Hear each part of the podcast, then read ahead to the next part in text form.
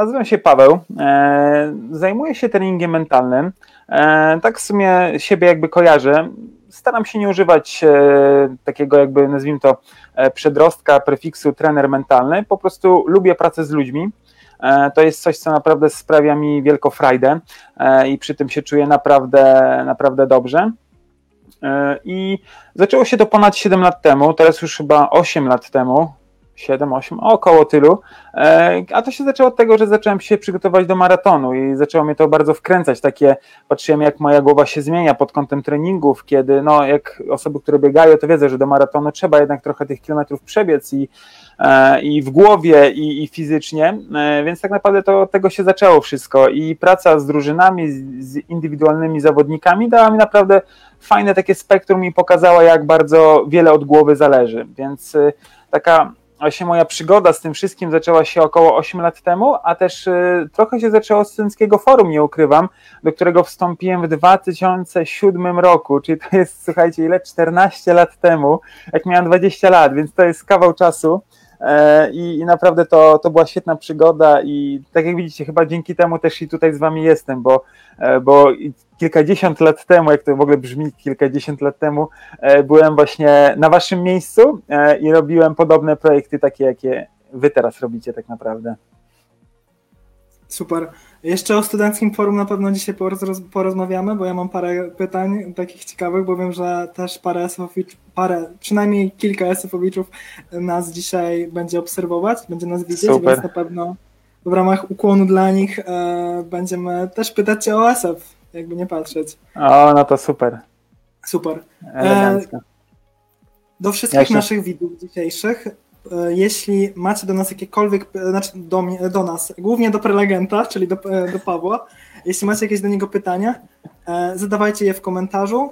Ja wszystkie je przeczytam później Pawłowi. No i oczywiście je zadam i mam nadzieję, Paweł będzie w stanie odpowiedzieć na te pytania, więc też bądźcie dla niego oszczędni, ale jednocześnie nie, nie, niekoniecznie bądźcie oszczędni, bo jednak takiej drugiej okazji może już nie być, nie powtórzyć się.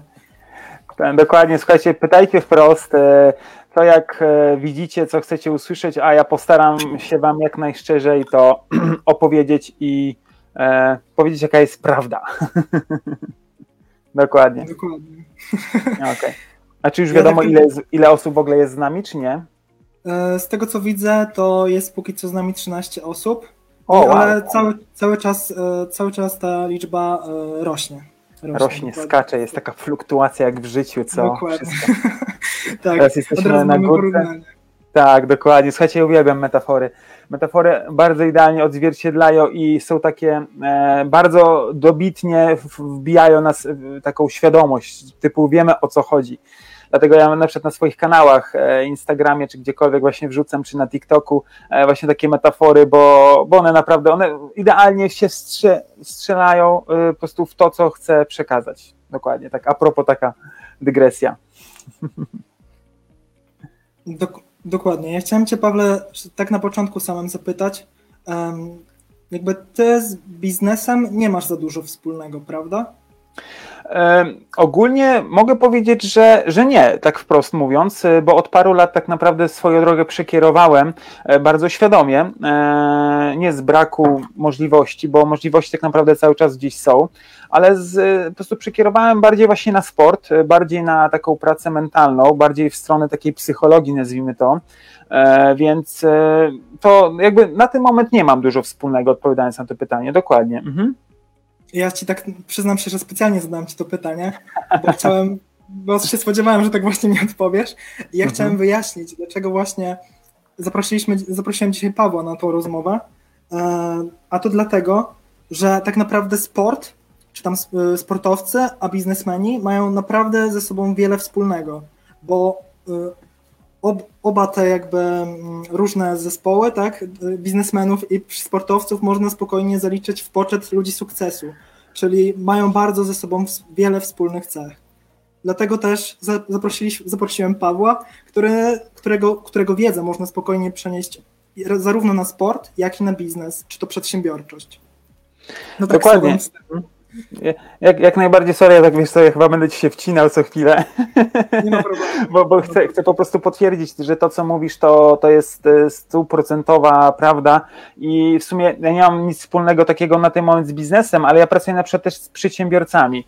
E, są to ludzie, którzy prowadzą właśnie własne biznesy, zatrudniają ludzi e, i, i po prostu ja też z nimi pracuję, bo oni też mają swoje, takie jak to mówię, wyzwania mentalne i, i na tym to polega, że czy to sport, czy to biznes, to mm, tak naprawdę psychika jest ta sama, prawda, te same problemy, te same jakieś po prostu wyzwania tak naprawdę, więc Myślę, że tutaj to jest naprawdę, jeśli ktoś jakby nie ogląda, bo myśli, a to nie będzie o biznesie, to tak naprawdę się może, może tego posłuchać, bo czy to, tak jak powiedziałem, właśnie, bo sam się trochę zagoniłem w, te, w, taki, w taki kąt, ale mówię, czy to biznes, czy to sport, to naprawdę wyzwania są identyczne, jeśli chodzi o naszą głowę.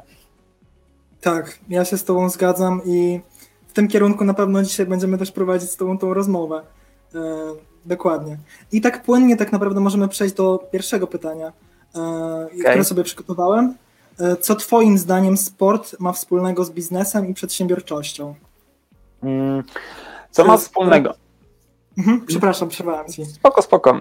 Wiesz co, mi się zdaje, że ma bardzo dużo wspólnego, bo podam taki trochę przykład bardziej sportowy, ale bo rozmawiałem ze sportowcami w różnym wieku, z różnych poziomów E, ligi i, i tym i umiejętności, tak naprawdę my wszyscy mamy podobne problemy. Tak trochę to nazwę problemami, ale tak to trochę wygląda, ale naprawdę e, czy to zawodnik, e, nawet słuchając różne wywiady z, z różnymi zawodnikami, gdzie albo z trenerami, którzy o czymś opowiadają, oni naprawdę właśnie mówią, że to są problemy, tak jak ma to osoba z pierwszej ligi problemy, gdzieś na przykład rodzinne czy coś, to tak samo ten zawodnik ma E, typu Lewandowski nawet, prawda? On ma identyczne problemy. Oczywiście wiadomo, on nie ma na przykład problemów finansowych, ale za to na nim jest składziona bardzo wielka presja, bo teraz sobie można wyobrazić, ja to bardzo często teraz przedstawiam w przykładach, jak ten człowiek musiał sobie poukładać w głowie, gdzie ma taką presję sam na sobie bardzo dużo, gdzie on y, wie, że musi strzelać gole. W każdy mecz to jest strzelony gol, a teraz pytanie, co się zdarzy, jak nie strzeli jak co się u niego, jakie rzeczy pojawią. I tak samo jest w biznesie, prawda? Kiedy robimy jeden projekt, idzie nam drugi projekt, idzie, a nagle trzeci nam nie wyjdzie. I o co chodzi? I w tym momencie pojawia się pytanie, czy ze mną coś jest nie tak, czy może po prostu to jest, mówiąc wprost, brak szczęścia. Bo jednak e, wielu sportowców to mówi i ja też się z tym zgadzam, że w życiu jest potrzebne są umiejętności, powiedzmy znajomości, networking, jakkolwiek to nazwiesz, oraz typowe szczęście. Czyli takie przygotowanie z sytuacją musi się spotkać i, i to się nazywa właśnie szczęściem, że ty jesteś na tyle przygotowany, że wykorzystujesz tę sytuację i to naprawdę wchodzi, e, jakby twoje umiejętności idealnie się wpasowują w daną sytuację. I to jest właśnie to coś, co, co wielu ludzi myśli, że, że jakby ten, ten czynnik pomija, a on jest bardzo ważny, więc myślę, że tutaj trzeba to bardzo zaznaczyć, że ludzie na przykład tak mi się zdaje, podchodzą bardzo często do tego. Może będę czasami generalizował, ale oczywiście ja mówię o jakiejś tam grupie tylko osób, ale bardzo często oni mówią, że zrobili to jakby sami i, i jakby bez niczyjej pomocy. Ja myślę, że pomoc była bardzo duża, tylko że po prostu tutaj jakby czasami my jesteśmy zapatrzeni e, na pewne swoje działania, ale tak naprawdę wiele osób nam zawsze pomału gdzieś tam małymi e, łyżeczkami nam pomaga, że tak powiem, to wszystko e, ogarnąć. Więc ja myślę, że przedsiębiorczość, y, sport, a biznes to jest tak naprawdę, e, można by było wrzucić, jeśli chodzi o głowę do jednego worka, ale oczywiście wiadomo, kiedy wchodzimy w szczegóły, bo na przykład ja prowadząc swojego e, vloga, bloga i tak dalej, to bardzo omawiam e, jakby takie case'y sportowe, ale to wszystko można spokojnie przełożyć na e, tak naprawdę na właśnie na biznes, na takie działanie, już nawet nie na biznes, ale nawet na takie działanie w prywatnym życiu, bo to wszystko jest bardzo podobne. To, to wszystko się tak fajnie zazębia, że zamiast mówić o drużynie, że mówię na drużynę, jak można wpłynąć przed meczem albo przed czymś, to, to po prostu też można powiedzieć, jak można na zespół fajnie wpłynąć, e, kiedy mamy duży projekt do wykonania, kiedy naprawdę ludzie mają duże wyzwanie, żeby coś zrobić i tak samo kiedy wchodzi e, zawodnik na murawę, tak samo wchodzi e, osoba, nazwijmy to lider do, do zespołu, żeby go poprowadzić, on też ma wielką presję na sobie, więc myślę, że te tematy są bardzo fajnie e, ze sobą powiązane i tutaj można naprawdę wiele wyciągnąć, a czasami tylko się zmienia ten prefiks sport, biznes, przedsiębiorczość tak naprawdę. Jasne. Właśnie a propos Twojego bloga, to ja podsyłam tutaj naszym widzom link do niego, w sensie do tego, do profilu na Facebooku i serdecznie polecam Wam się zapoznać, co tam Paweł publikuje. Ja przyznam się, że też sobie trochę przejrzałem i naprawdę są tam bardzo ciekawe rzeczy. E, no, które też częściowo poruszymy Cię oczywiście e, na naszym spotkaniu, ale no, polecam i tak mimo wszystko zajrzeć. Tak. Zachęcam w ogóle, e, wyślę tutaj też Wam linki w sumie do, do tego. Wyślę to Tobie, Marcinie. Zobacz, tutaj właśnie są linki do, do mojego, moich całych tych. Oj, trochę się to wkleiło, e, ale właśnie to są linki do, do, do moich wszystkich e, sociali. Ogólnie najwięcej teraz produkuję treści na, na Instagramie, e, częściowo też wchodzi ona na Facebooka, ale to Instagram i podcast to, to jest coś, co najbardziej tutaj jakby wchodzi, takie jest naj, naj, najświeższe materiały, że tak powiem. Dokładnie, Jasne. ale dziękuję też za udostępnienie. Jasne, oczywiście. Chciałem Cię zapytać, skąd w ogóle czerpać motywację do działania? U, to jest dobre pytanie, wiesz. Pytanie, zarazem jest bardzo szerokie, mm, a z drugiej strony e, można powiedzieć bardzo proste, a zarazem, zarazem bardzo skomplikowane. Bardzo skomplikowane, proste to jest pytanie. Jakbym cytował jednego z raperów, e, tutaj Białasa na przykład, bo dziś powiem szczerze, uwielbiam rap e, i, i w sumie płynnie nawet do tego przejdę. Rap, hip-hop, jakkolwiek to nazwać, teraz myślę, że to e, na pewno tacy fanatycy tej muzyki mogą gdzieś tam pewno mnie pouczyć, że to jest na pewno coś innego, ale mi chodzi o ludzi, którzy właśnie, oni słuchajcie, zeszli z ulicy, mówiąc prosto, takie przypadki jak właśnie Białas, Szpaku, ja wiem, że może dla niektórych to jest takie bardzo odległe są ksywki, ale to są bardzo znane postacie w tym świecie, e, które naprawdę fajnie pokazują, jak wychodzą e, z takiej naprawdę ciężkiej drogi życiowej i wychodzą na prostą. Więc mówiąc wprost, mnie na przykład bardzo motywuje muzyka. Na przykład ja bardzo często jak słucham hip-hopu, to wsłuchuję się w tekst. Czasami nie lubię muzyki, muzyka mi nie pasuje, ale tekst jest tak dobry, że po chwili i lubię muzykę, prawda? Więc dla mnie na przykład taką motywacją jest słuchanie takiego gościa, który naprawdę miał ciężką drogę, e, i tutaj e, gdzieś tam sam się w tą drogę złą wrzucił, mówiąc wprost, a, a z drugiej strony też tą drogę, musiał z tej drogi wyjść, prawda? Też kolejnym takim ciekawym raperem jest na przykład BDOS, który naprawdę e, genialnie opisuje to. E, on ma niektóre ciężkie są kawałki, o, to, to, to jest fakt, ale to jest coś, co naprawdę mnie na przykład nakręca pozytywnie i widzę, kurczę, skoro on z takiego czegoś wyszedł, to jak ja sobie nie poradzę, prawda? Ogólnie na przykład mnie motywują bardzo książki.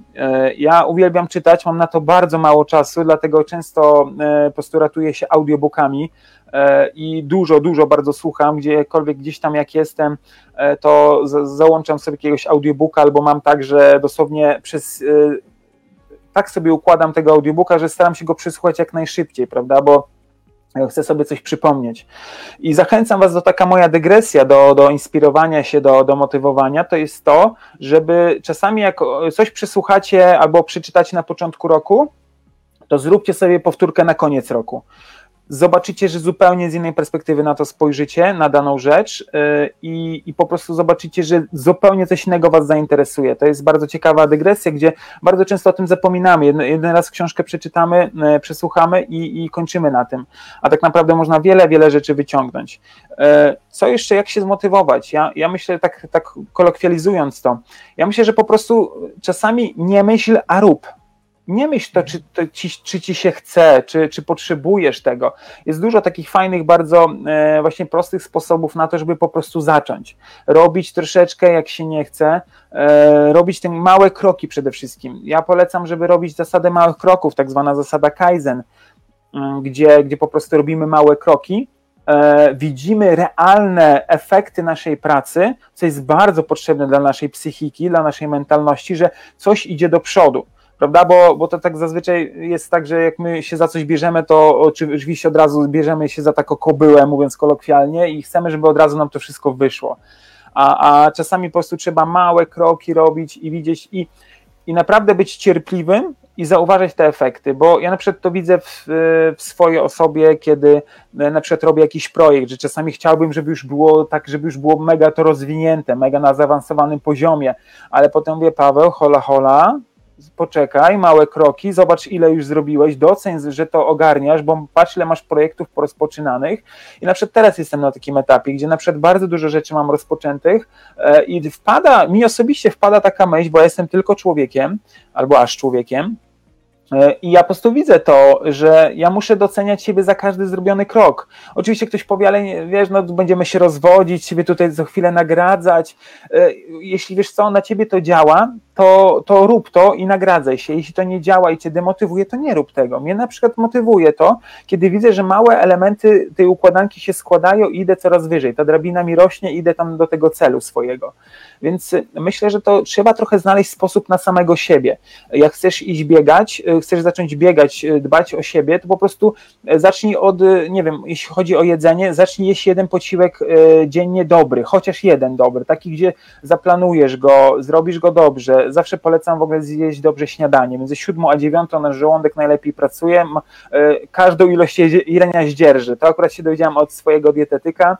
E, Mateusz Jasiński, serdecznie go polecam, bo gość jest genialny. Medycyna e, dalekowschodnia, chińska, naprawdę to jest genialna rzecz, bo ona podchodzi do nas holistycznie. Zachęcam naprawdę tego gościa obserwować, ale tak wracając do do, do tego, do, do tego tematu. Proponuję, żeby robić ma, małe rzeczy, jakby naprawdę, bo my czasami się napatrzymy na kogoś, że ktoś e, na, teraz jest taka mania wrzucania na Facebooku, że coś się udało, coś nam wyszło i od razu ludzie taki wbijają E, jakby nazwijmy to od razu już e, końcowy efekt, typu na przykład ktoś tam w Forbesie się pojawił e, po, poniżej 30, tam jakiś sukces i od razu myślimy, wow, ja też tak chcę, ale jak teraz pomyślisz, ile trzeba zrobić, to od razu za głowę się łapiesz, nie, to chyba, chyba nie dla mnie, a po prostu ta osoba czasami nie myślała, a robiła. E, ja wielokrotnie jak trenowałem do maratonu, to ja nie myślałem, a biegałem po prostu. Nie myślałem, czy mi się chce, tylko po prostu był zaplanowany trening, czy biegać. Nie był to za dobry trening, przyznam szczerze, bo czasami było ślisko, czasami było naprawdę, e, po prostu nie dało, nie dało rady biec, bo było albo tak mokro, kałuże wszędzie, buty dosłownie chlapały i to, to też jest wkurzające, ale człowiek próbuje ja myślę, że też po prostu to, to trzeba jakby zacząć i nie myśleć, ale z drugiej strony tak na co teraz kładę nacisk, na pracę z ludźmi, przede wszystkim jak pracuję z ludźmi, to odnajdź swój indywidualny system motywacji. Czyli na przykład musisz sam zobaczyć, co ciebie nakręca. Mnie nakręca muzyka, mnie nakręca książka, e, mnie nakręca na przykład, kiedy sobie oglądam, słuchajcie, ja uwielbiam oglądać teasery filmowe, po prostu czasami, ja dużo filmów nie oglądałem, ale ja uwielbiam sobie wejść na YouTube'a i oglądać teasery filmowe. To mnie tak fajnie nakręca, że tam jeszcze super bohaterowie, ja w ogóle uwielbiam to, Władca Pierścieni to jest w ogóle coś, co bardzo uwielbiam, w ogóle fantastyka. E, oczywiście do oglądania, nie do czytania, przyznam się szczerze, ale to też mnie w jakiś sposób pozytywnie odstresowuje ja wtedy widzę, ok, znalazłem czas dla siebie i to też mi pokazuje, że ja to balansuję. Staram się na tyle, ile to możliwe balansować. Ale też z drugiej strony, powiem szczerze, no, y, spędzając czas z córeczką, ja też się y, w pewien sposób motywuję, bo, bo to jest takie coś, że teraz jest czas dla niej. To też mi pokazuje, jak fajnie potrafię się skupiać tylko na niej. Oczywiście czasem skoczy coś, że trzeba spojrzeć na ten telefon, nie ukrywam, e, i tego się uczę, żeby to się oduczyć tego, to jest zabawne, że musimy się uczyć tego, żeby jak to z tego się oduczać. To takie trochę e, jest e, przewrotne, co teraz mówię, ale na tym to polega. E, I, I, powiem szczerze, że tutaj właśnie to też jest fajne, że czasami warto właśnie, jak coś robimy, to skupiać się na tym, jakby na tych elementach, które mogą nam pomóc. Właśnie tak jak mówię, ja uczę się skupiania się, uczę się odnajdywania radości w drobnych rzeczach, więc tutaj tak naprawdę motywacja, ja bym powiedział troszeczkę tak przewrotnie, że to jest trochę taka, bardziej szukaj szczęścia w tym, co robisz, takiego radości, o radości bardziej, bo jak coś ci sprawi w miarę radość, to będziesz to robił e, nie, nie myśląc o tym, czy, czy musisz to zrobić. Oczywiście nie we wszystkim odnajdziesz radość, ale zobacz, jaki element najbardziej ciebie cieszy. Ja na przykład mówiąc wprost, kiedyś jak e, lubiłem biegać, e, to, to znaczy lubiłem, lubię dalej biegać, ale jak biegałem, to ja lubiłem e, po prostu biegać w jakimś tam określonych miejscach. Jak sobie przebiegłem tym miejscem, gdzie tam mnie ktoś widział, ja tam biegnę, taki wiecie, mm, to od razu mnie to gdzieś tam nakręcało pozytywnie, albo jakaś nuta jeszcze weszła. To już w ogóle, słuchajcie, sky is not the limit i w ogóle i te wszystkie inne frazy wchodziły w rachubę, więc tak naprawdę myślę, że tutaj warto po prostu szukać swojego sposobu na, na życie. Tutaj akurat widzę ten, e, widzę tutaj e, komentarz, e, czy istnieje work-life balance. Powiem szczerze, że nie. Przewrotnie, bo, bo naprawdę, wiecie co, ciężko jest złapać w tym momencie taki work-life balance. Y, musimy być naprawdę hiper, tacy świadomi swojej osoby. Oczywiście, okej, okay, nie chcę ci kotwiczyć, w sensie tobie, co oglądasz, y, y, że nie, da, nie uda ci się, ale jest to naprawdę niełatwe. Bo ja sam widzę, kiedy to my w taką bieżączkę życia czasami wpadamy, taką bieżączkę po prostu, że musimy to, to, to, to zrobić od razu od rana do wieczora i nagle mija nam tydzień, a my patrzymy, o wow, a kiedy czas dla mnie? Nie, to ja muszę dalej robić, dalej ten nakręcamy się, pędzimy, a czasami trzeba po prostu wiedzieć, że niedziela, hipotetycznie, to jest niedziela dzień święty, nie pracujemy, idziemy na spacer, nic nie robimy. I wtedy, bo my często zapominamy, ja na przykład, y, uwaga, bo ja wpadłem w słowotok, ale właśnie y, ostatnio słuchałem wywiadu y, Sokoła i Gonciarza I on tam fajnie powiedział Soku, że on czasami oglądając e, głupie filmy, siedząc, nic nie robiąc, on w tym momencie pracuje, bo jego głowa odpoczywa i on dzięki mhm. temu jakby nabiera takiej, porządkują mu się myśli. E, on też to bardzo fajnie ujął. W ogóle bardzo ciekawy wywiad. Uważam, że warto go, go sobie przysłuchać. Ja przez niego bardzo dużo wyciągnąłem, a tak naprawdę utwierdziłem się w wielu rzeczach, które ja robię na co dzień. Że widzę, że tak jak, jak ja czasami sobie usiądę, właśnie oglądam te teasery, oglądam jakieś stand-upy wieczorem, po to, żeby moja głowa się wyluzowała, wyczyściła, bo jak e, idę z takim poczuciem fajnym luzu do, e, do, jakby do snu, to tak naprawdę ja też odpoczywam. Ten sen jest głębszy, jest lepszy, bardziej regenerujący.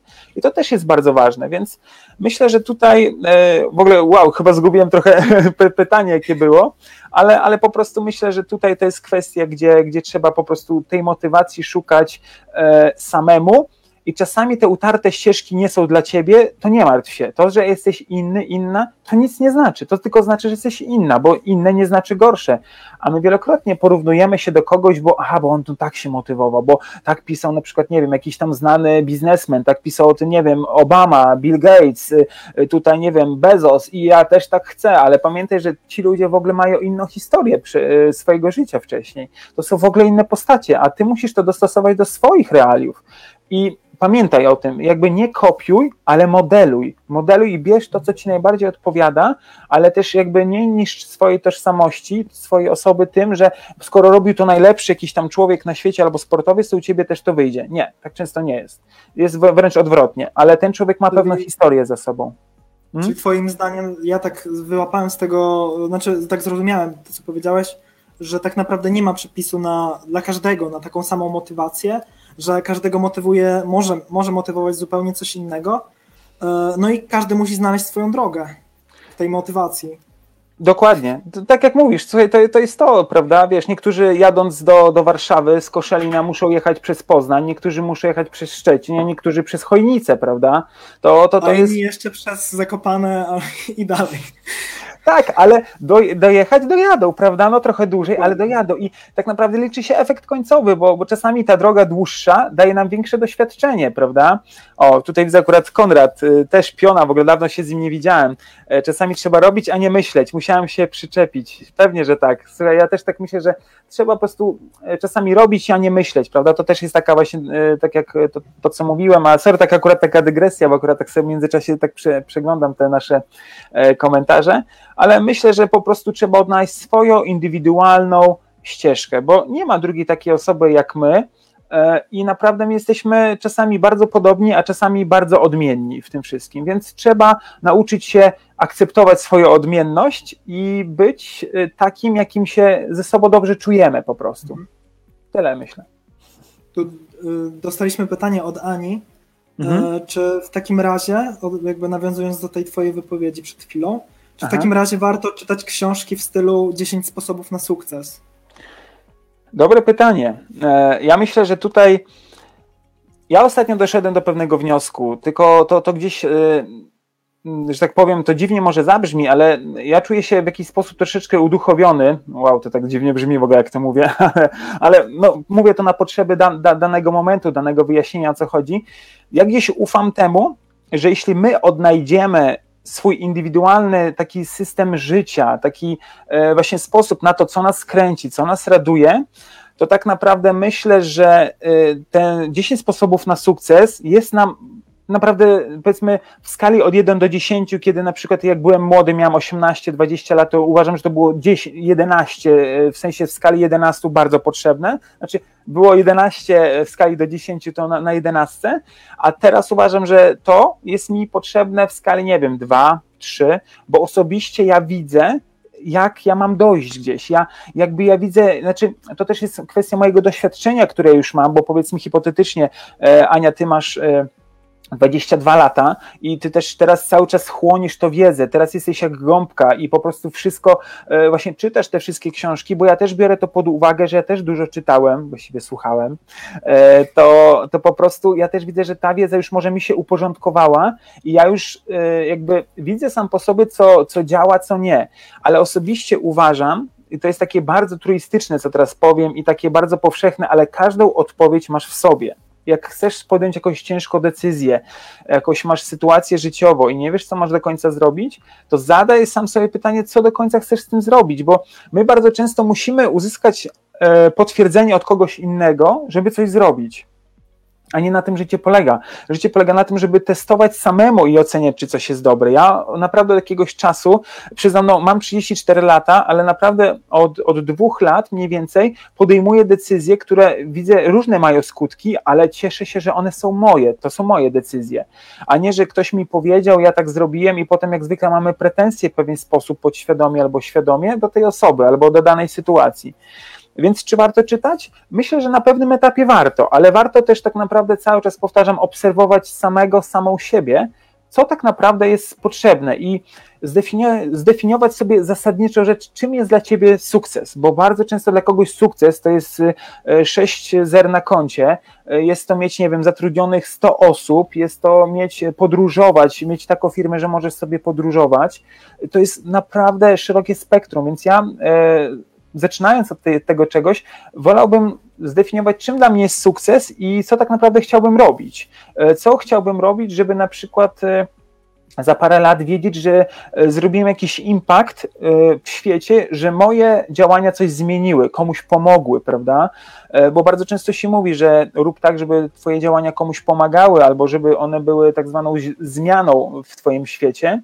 Więc y, ja osobiście z tego założenia wychodzę. Oczywiście, ok, jeśli masz chęć sprzedawać, jak to się mówi, kupiłeś taniej, y, sprzedajesz drożej, to ok, możesz powiedzieć, ale jak ja tutaj zrobię impact, prawda? To nie o to chodzi. To, to, to są twoje rzeczy, które może na przykład dadzą jakby dadzą ci możliwość utrzymania się, a po godzinach będziesz właśnie robił coś, co pomoże innym. A tak naprawdę to się przerodzi w twoje takie działanie i kto wie, może to się urodzi w jakiś duży, fajny projekt, prawda? Więc tutaj myślę, że tak wprost nie odpowiedziałem, ale na ten moment w życiu uważam, że trzeba spoglądać na siebie bardzo mocno, obserwować siebie, a te książki to naprawdę wybierać perełki, jakieś takie naprawdę polecone, bo tych tytułów to mamy tyle e, o, o sukcesie, o wszystkim, ale wybieraj takie książki, gdzie naprawdę autor na przykład coś głębszego przekazuje, naprawdę daje taką troszeczkę wartość taką ponad to wszystko, co jesteśmy w stanie zrobić. Na przykład y, y, ogólnie mężczyźni mają tak, że my potrzebujemy tak dużego projektu, który nas przerasta,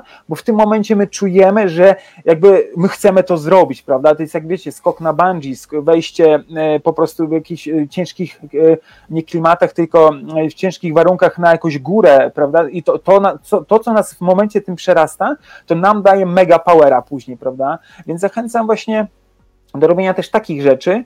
E, oczywiście przy okazji dwie książki polecę, które bardzo mocno mnie też ukształtowały i pomogły mi zrozumieć, e, że tak powiem, stronę męską, jak i żeńską.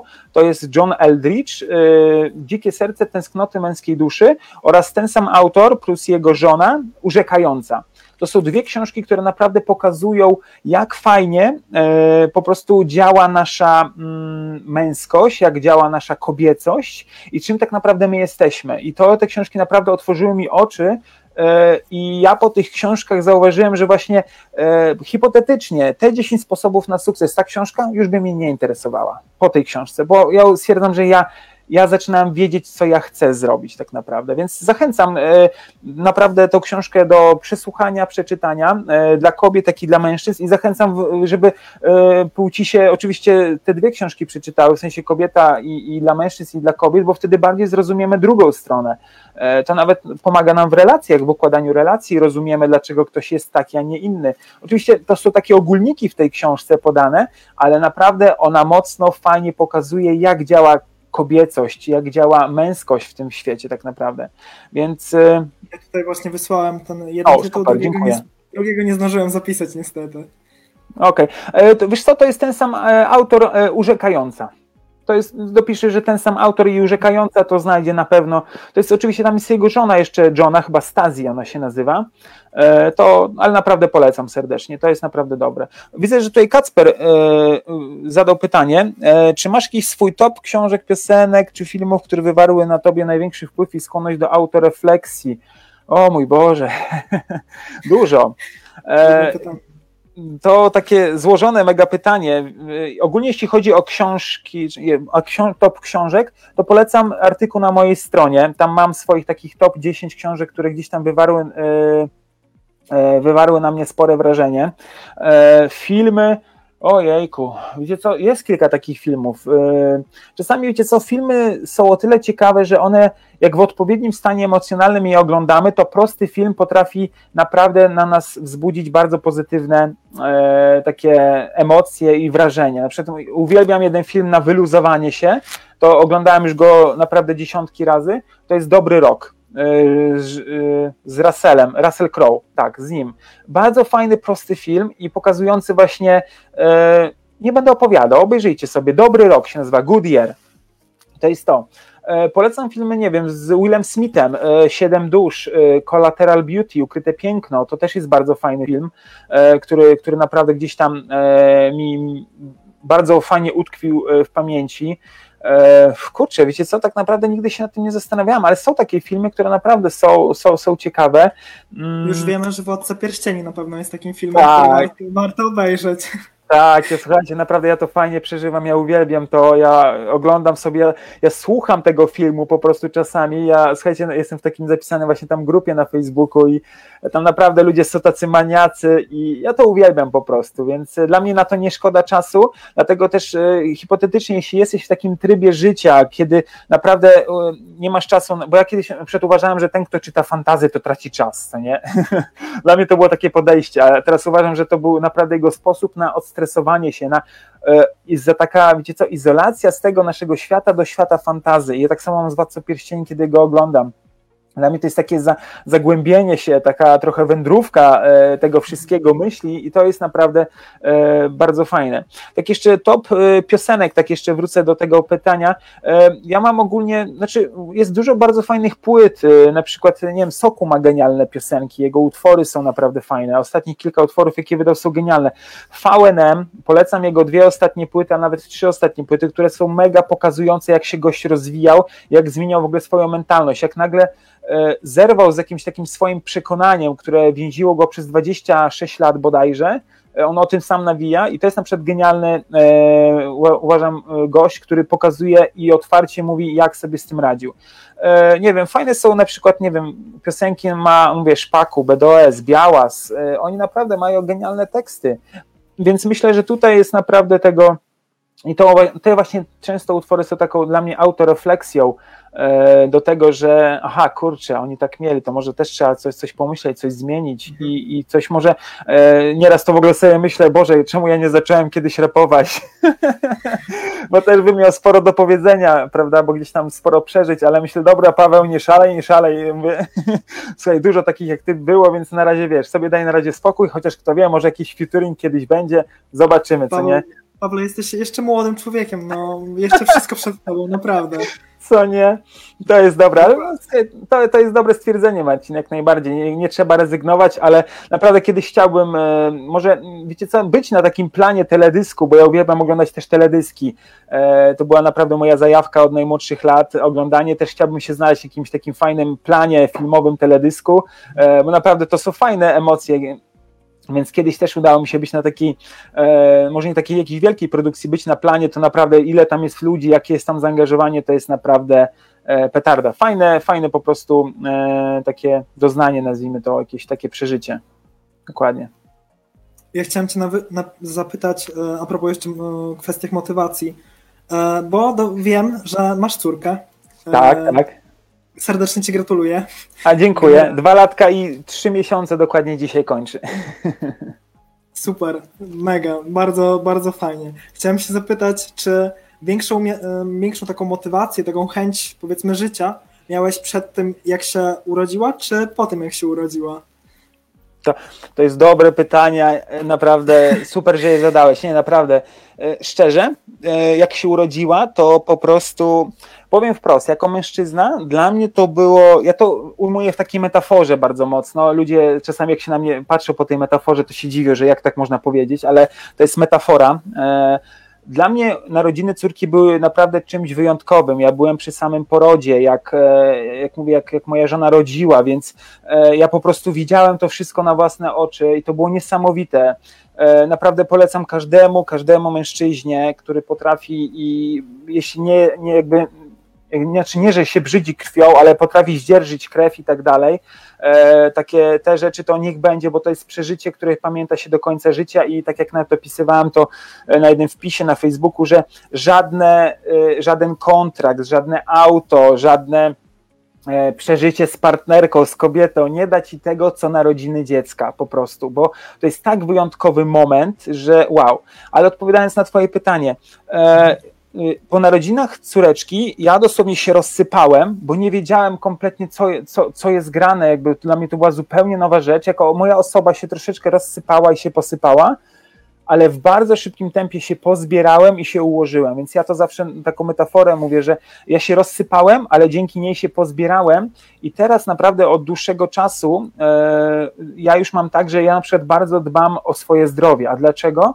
E, dbam o to, żeby mnie po prostu być, nazwijmy to, gibkim, tak zwany movement sobie trenuję, więc żeby po prostu się z nią bawić za parę lat, a nie, że o, tatuś nie może, bo plecy go bolą, a, bo nie, bo tutaj tatusia coś tam, coś tam strzykał i tak dalej. Więc dla mnie to jest naprawdę wielka inspiracja. Nawet y, podcast mam swój, Ojcostwo po mojemu, się nazywa, e, to sobie nagrywałem tam takie moje przemyślenia. E, czekaj, wiesz co, od razu ci wrzucę to, to, to może, może komuś się spodoba, sobie posłucha. Mam też takie całe, całe te trzy linki. Zachęcam do, do, do, do, do posłuchania. Tam są naprawdę ciekawe rzeczy. Czekaj, już ci to wysyłam tutaj. Więc dla mnie Mhm, bo wysłaliśmy na prywatnym czasie, czacie, okej, okay, dobra. Już tak. udostępnię naszym ten E, widzą tak. dzisiaj. Dobra, okej. Okay. To jest ojcostwo po mojemu się nazywa.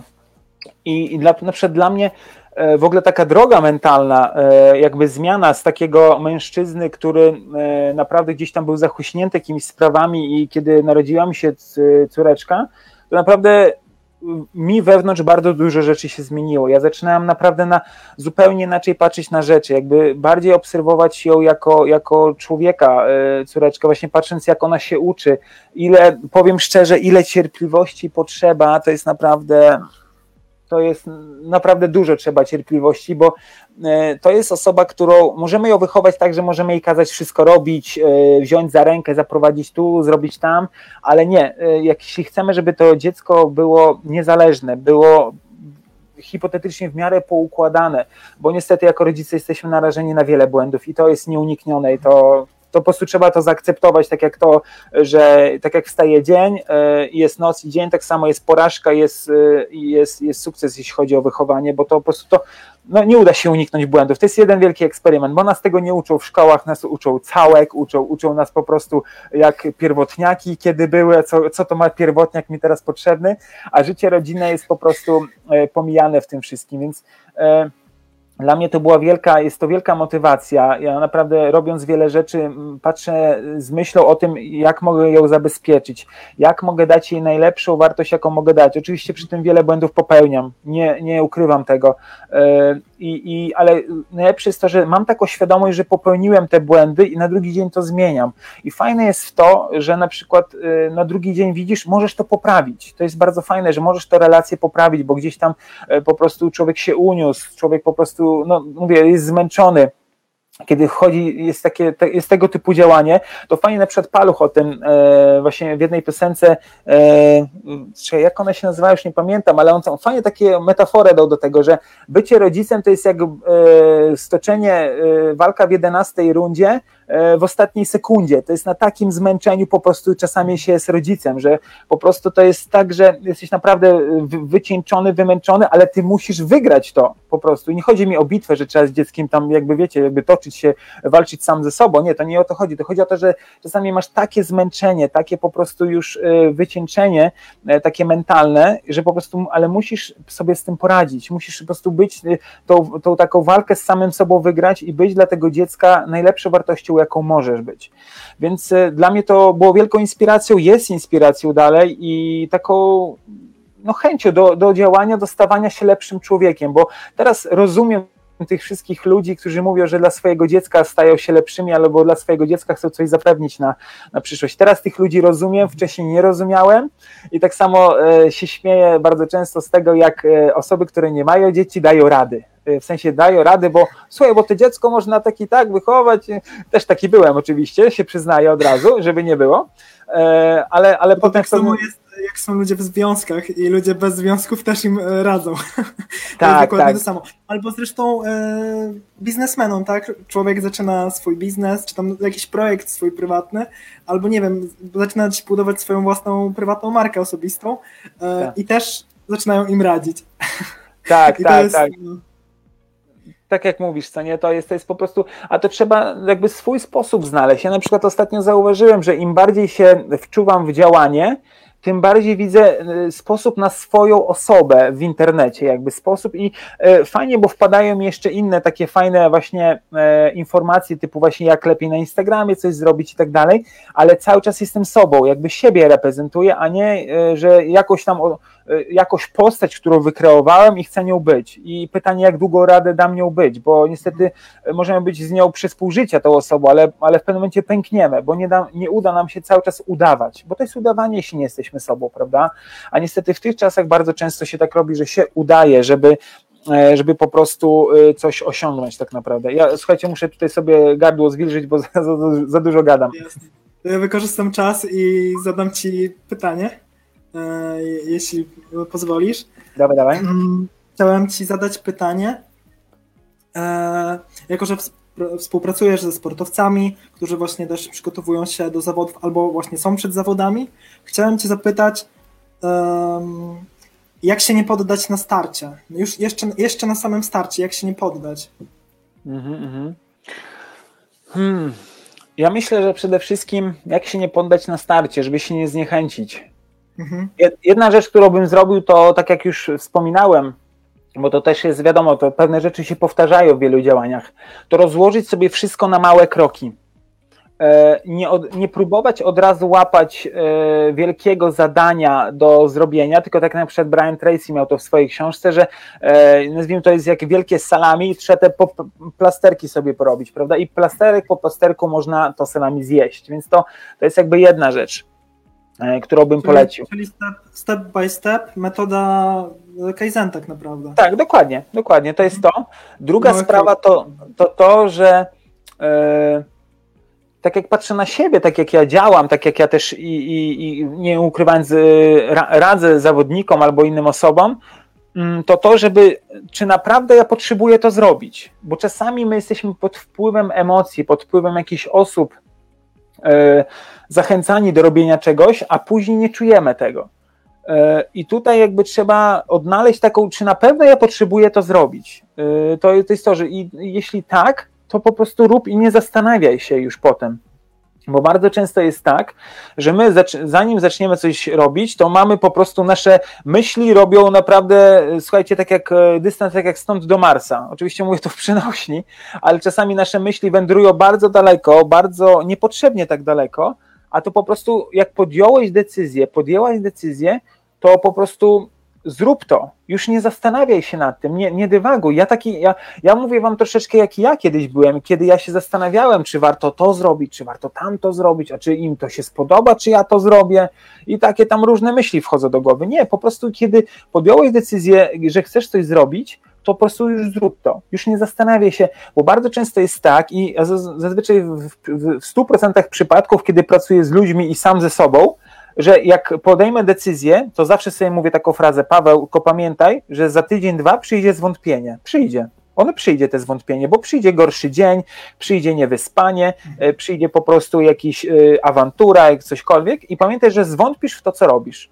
Ale pamiętaj, co sobie teraz y, na równych emocjach przyrzekałeś, pamiętaj, co sobie przyrzekł, y, przyrzekałeś, że chcesz zrobić i nie zastanawiaj się, czy to jest dobre, czy złe, tylko po prostu to rób bo bardzo często tak jest, że my po prostu pod wpływem jakichś emocji rezygnujemy, prawda?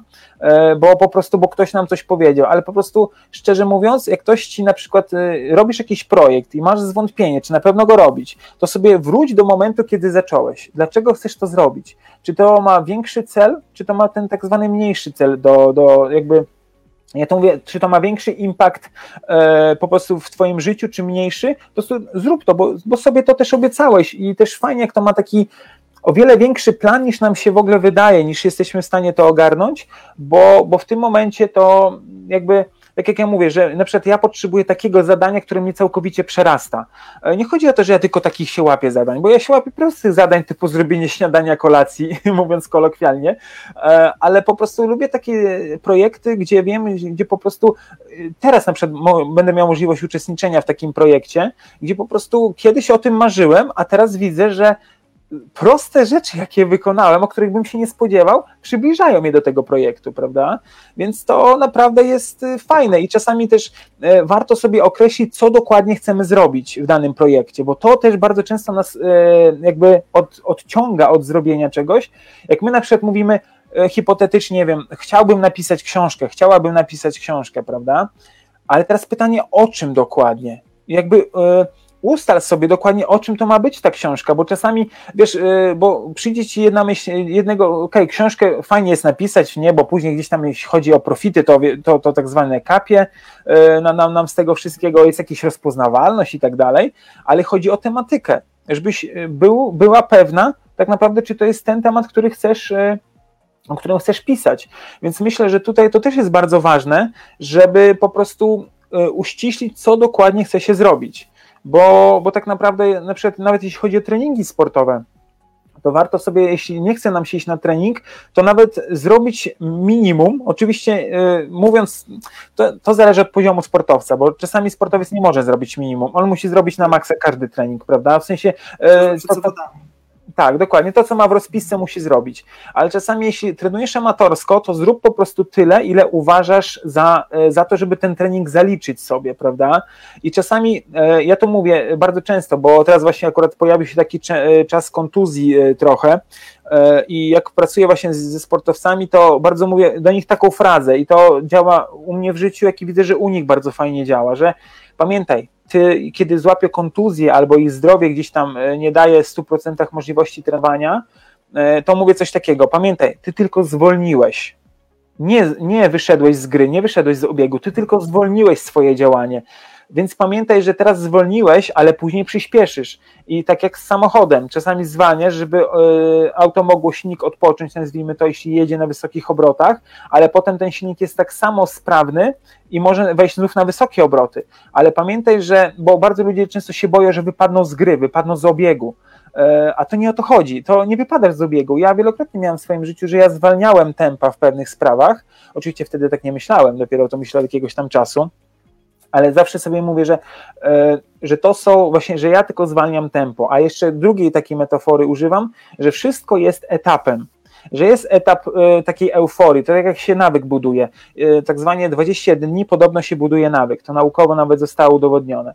I podobno to jest taka, taki wykres, że pierwszy tydzień to jest taka mega motywacja, drugi tydzień to jest takie stabilizowanie się, a trzeci tydzień to jest po prostu spadek motywacji i po prostu chcemy wrócić do, do kolejnego naszego E, schematu, który był, prawda? Bo chcemy już zaprzestać tego. I tak samo jest w tym, że po prostu, i dlatego mówię, trzeba pamiętać, co, co się chciało na początku, bo potem jak będziemy na górce, będzie fajnie, ale pamiętajmy, że później też przyjdzie ten moment dołka. I żeby wiedzieć, po co my coś robimy tak naprawdę. Więc myślę, że przede wszystkim E, oczywiście ja wiem, że czasami nie ma czasu na, na dywagację, na czy ja na pewno chcę, czy to ma ideę wielką, czy ja na pewno, czy to jest wielki projekt, czy ja tego, wiecie, to ja wiem, że czasami nie ma czasu na takie pytania, ale jeśli chcesz e, naprawdę mieć e, coś zrobić fajnego, to pomyśl, co też z, z, danej rzeczy sprawi ci przyjemność na początku zrobienie tego, prawda? Na przykład, nie wiem, y, ja mam tak, że na przykład nie chcę mi się biegać, no to szukam dobrego utworu i choćbym szukał go 5 minut, jednej piosenki, którą chcę zacząć, to to zrobię, ale wtedy pójdę na te bieganie, bo zrobiłem coś, co chcę po prostu. I to i od takich małych rzeczy trzeba zaczynać, to nie są jakieś, nie powiem ci strategii, ok, to może i Brian Tracy o tym pisał, może inni jacyś David Allen od, od Getting Things Done, ale tak naprawdę to są proste rzeczy, które trzeba robić i trzeba o nich po prostu pamiętać, żeby troszeczkę pomyśleć o sobie i zacząć od takiego punktu, który nam da jakąś radość. I wtedy to też nam jakby inaczej e, to na nas wpłynie dany projekt to, to jest tak, jak wiecie, no czasami się zrażamy do osoby, gdzie, gdzie mówimy, że o Jezu, ale z niej to straszny, znaczy straszny gbur z niego, ona to w ogóle jakaś taka mm, i od razu jakieś tam myśli, a czasami nie oceniaj, tylko poczekaj po prostu sobie, zobacz, co się wydarzy. I ja czasami też doradzam, po prostu zrób i zobacz, co się wydarzy. I ja po sobie widzę, że bardzo często się dobre rzeczy wydarzają i się z tego cieszę, że mam na tyle świadomy umysł, że robię, a nie myślę po prostu czasami, bo wiem, że umysł działa bardzo zgrabnie i trzyma nas naprawdę w szachu, żebyśmy za wiele nie robili, bo kiedyś w ewolucji po prostu było tak, że jak mężczyzna upolował zwierzę, to on, e, to on potem przez tydzień odpoczywał. On nie robił pompek, nie biegał w koło, nie, nie, nie, nie robił niczego, co, co, co, co gdzieś tam powoduje zmęczenie, on po prostu odpoczywał. Dlatego nam też tak, e, mówiąc wprost, się czasami nie chce, o ile to wpadnie w nasz nawyk i lifestyle, tak jakby trenować, prawda? To nie jest w naszym nawyku takim, wiecie, bo nasza ewolucja zupełnie inaczej się, się potoczyła tak naprawdę. Dokładnie, więc tak, tak bym odpowiedział na to pytanie. Jasne. Dobra, dziękuję za, za odpowiedź. Hmm? E, chciałem Cię zapytać, mamy 8, za 8 minut godzinę 20 i czy jesteś gotowy na dalszą podróż, e, na dzisiejszą podróż, naszą rozmowę? Tak, płyńmy, płyńmy dalej, słuchaj, zobaczmy co z tego wyjdzie. Super, super. Bardzo mnie to cieszy. Pewnie, jak najbardziej. E, chciałem Cię też zapytać, bo jakby poruszyliśmy temat motywacji e, i też motywowania przez ludzi i chciałem Cię zapytać, jak przyciągać do siebie ludzi, jak Ty przyciągasz do siebie ludzi, którzy właśnie, którzy Cię motywują, którzy Cię wspierają, inspirują, jak ich szukać i jak Ty, ty ich znajdujesz? Mm, jest na to chyba kilka sposobów, ja po sobie sam widzę. E, raz, że trzeba być naturalnym. No, co to znaczy, prawda, bycie naturalnym? Ja myślę, że przede wszystkim nie grać. E, nie grać w, z ludźmi w żadną grę, że ja jestem jakiś i wtedy on mnie polubi.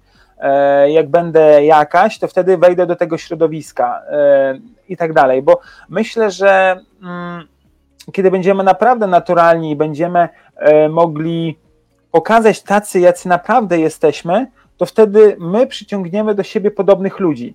E, mówiąc wprost, ja też na przykład ufam czemuś takiemu jak e, intencji, wysłanie intencji w świat. Na przykład jak robię jakiś projekt, to wysyłam taką intencję, że e, mówię, że chcę spotkać ludzi, którzy mają podobne podejście bądź cele e, na życie takie jak ja.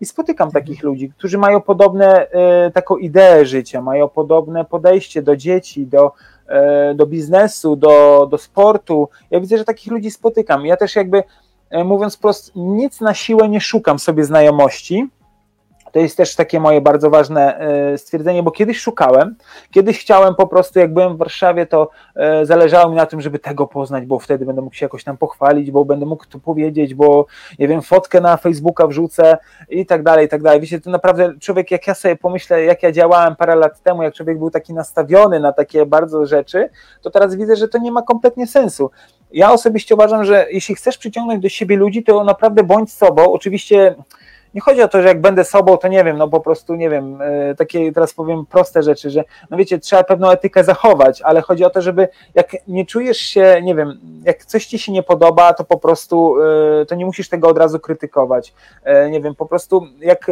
nie czujesz się dobrze w jakimś towarzystwie, to po prostu odejdź od tego towarzystwa. Pójdź do tego, który, który ci odpowiada w pewien sposób. Y, jakby nawiązuj bardzo luźną relację. Nie, nie się, że musisz z tej relacji coś uzyskać, że musisz, ta relacja musi ci coś dać albo da tobie, bo on zna tego i zna tego. Okej, okay, niech zna, ale to nie ma znaczenia dla ciebie. Jakby nie szukaj y, po prostu w relacji korzyści, tylko szukaj po prostu w relacji radości jakiejś, takiej po prostu chęcia zapoznawania ludzi ja na przykład tak mam, że ja bardzo często e, idę jak na z kimś spotkanie, to ja po prostu mówię, dobra, zobaczymy co będzie. E, ludzie mi mówią różne rzeczy na temat tej osoby, że on jest taki, ona jest taka. A mówię, dobra, zobaczymy, okej, okay, ja będę naturalny, jak ona mnie polubi, to polubi, jak nie polubi, to sorry, cześć. I powiem szczerze, e, no to jest taka prawda, słuchajcie, nie ma co tam się spinać. No, E, ja na przykład bardzo wielokrotnie zauważyłem, że im bardziej jestem sobą na spotkaniach, mówię to, co mnie interesuje, wyrażam swoją opinię oczywiście normalnie, nie jakoś tam nachalnie i to nie są jakieś dziwne poglądy, E, oczywiście nazwijmy to nie ma dziwnych poglądów, tylko po prostu są, my, my lubimy szufladkować, jako nasz umysł lubi szufladkować dobre, złe i tak dalej, czy jestem po prawej, czy po lewej i tak dalej ale po prostu ja widzę, ja opowiadam taki, jaki ja jestem i ja widzę, mówiąc wprost, może to jest kwestia moich zainteresowań, ale że ludzi to interesuje i z ludźmi się dogaduję bardzo łatwo, więc, bo ja się nie nastawiam na żadne korzyści. Przyznam szczerze, że bardzo dwie fajne książki e, też mi w tym pomogły, e, troszeczkę jak, jak to e, odnaleźć w sobie, jak to poukładać, to, to jest, jedna się nazywa Jak zyskać przyjaciół i zjednać sobie ludzi. Czekajcie, jak on się nazywał ten autor? Taki dosyć znany autor a uciekło mi, uciekło mi z głowy, ale bardzo znane książki to są. Jak zyskać Dale Carnegie. O, tak, dokładnie, Carnegie. Carnegie, Dale Carnegie, dokładnie. A druga też jego fajna książka jest e, Jak przestać się martwić i zacząć żyć. E, oczywiście przesłuchałem te książki, nie przeczytałem się, przyznaję, e, ale naprawdę te książki bardzo fajnie mi otworzyły oczy na, na właśnie na relacje, troszeczkę jak, jak czasami rozmowa nie idzie, co możesz zrobić, żeby zobaczyć, bo czasami mówiąc wprost, nie musi zawsze być chemia na początku, e, ale, ale czasami potem warto gdzieś tam mm, spróbować to chemię jakby pod, podrasować, nazwijmy to, żeby potem to poszło nam do przodu, więc e, tam są fajne takie bardzo naturalne, niemanipulacyjne triki, które pomagają nam na przykład nawiązać relacje.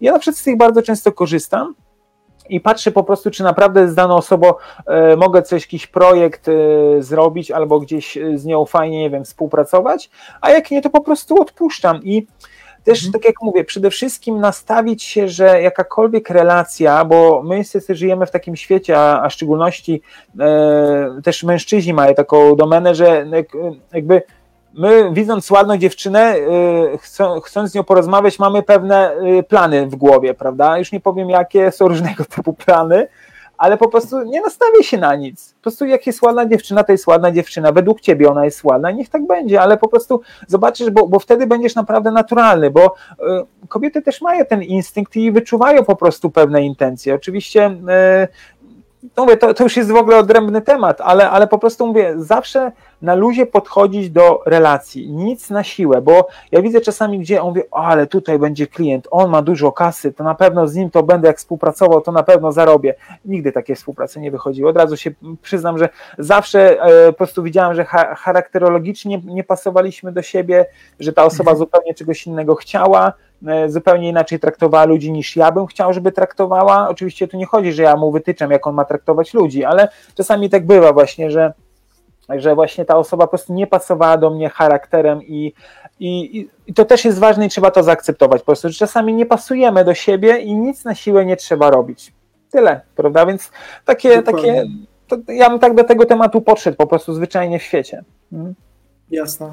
No to jest taka moim zdaniem bardzo cenna rada. Niezależnie tak naprawdę od, o, o jakim aspekcie życia mówimy, czy to mówimy nawet o sporcie, czy to o jakimś biznesie, czy w ogóle o sensie życia, tak? Tak, tak. Ta rada jest taka uniwersalna bardzo. Dokładnie, no bo niektóre są takie uniwersalne rady, niektóre są po prostu dopasowane do konkretnych sytuacji. Mhm. I tak naprawdę, jeśli będziemy im bardziej będziemy naturalni, tym z czasem zobaczymy, że my pewnych ludzi nie chcemy poznawać po prostu. Nie ciągnie nas w pewne miejsca. I wtedy nie będziemy mieli wyrzutów, że a, bo muszę iść na to imprezę, muszę tutaj być, bo wtedy coś się na pewno dowiem. Nie, to nie jest tak. Po prostu jak nie chce ci się być, to nie idź tam.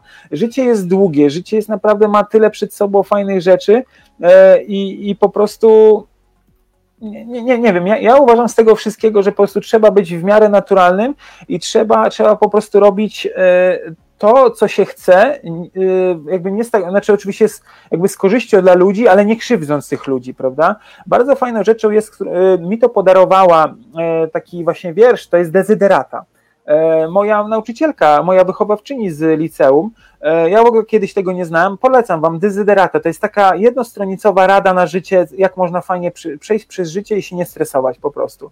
Naprawdę fajnie, że ktoś to kiedyś napisał, miał na tyle odwagi e, i, i że to powstało, ja na przykład to noszę w komórce sobie, czasami to czytam, czasami do tego wracam, i polecam po prostu e, tego typu rzeczy, właśnie jak dezyderata, żebyś sobie to gdzieś tam wrzucić i, e, i o tym pamiętać, bo tam są fajne takie właśnie rady życiowe, taki naprawdę prosty tekst. Dostaliśmy pytanie od Ani. Robiłeś kiedyś test osobowości? A jeśli tak, to jaki masz typ osobowości?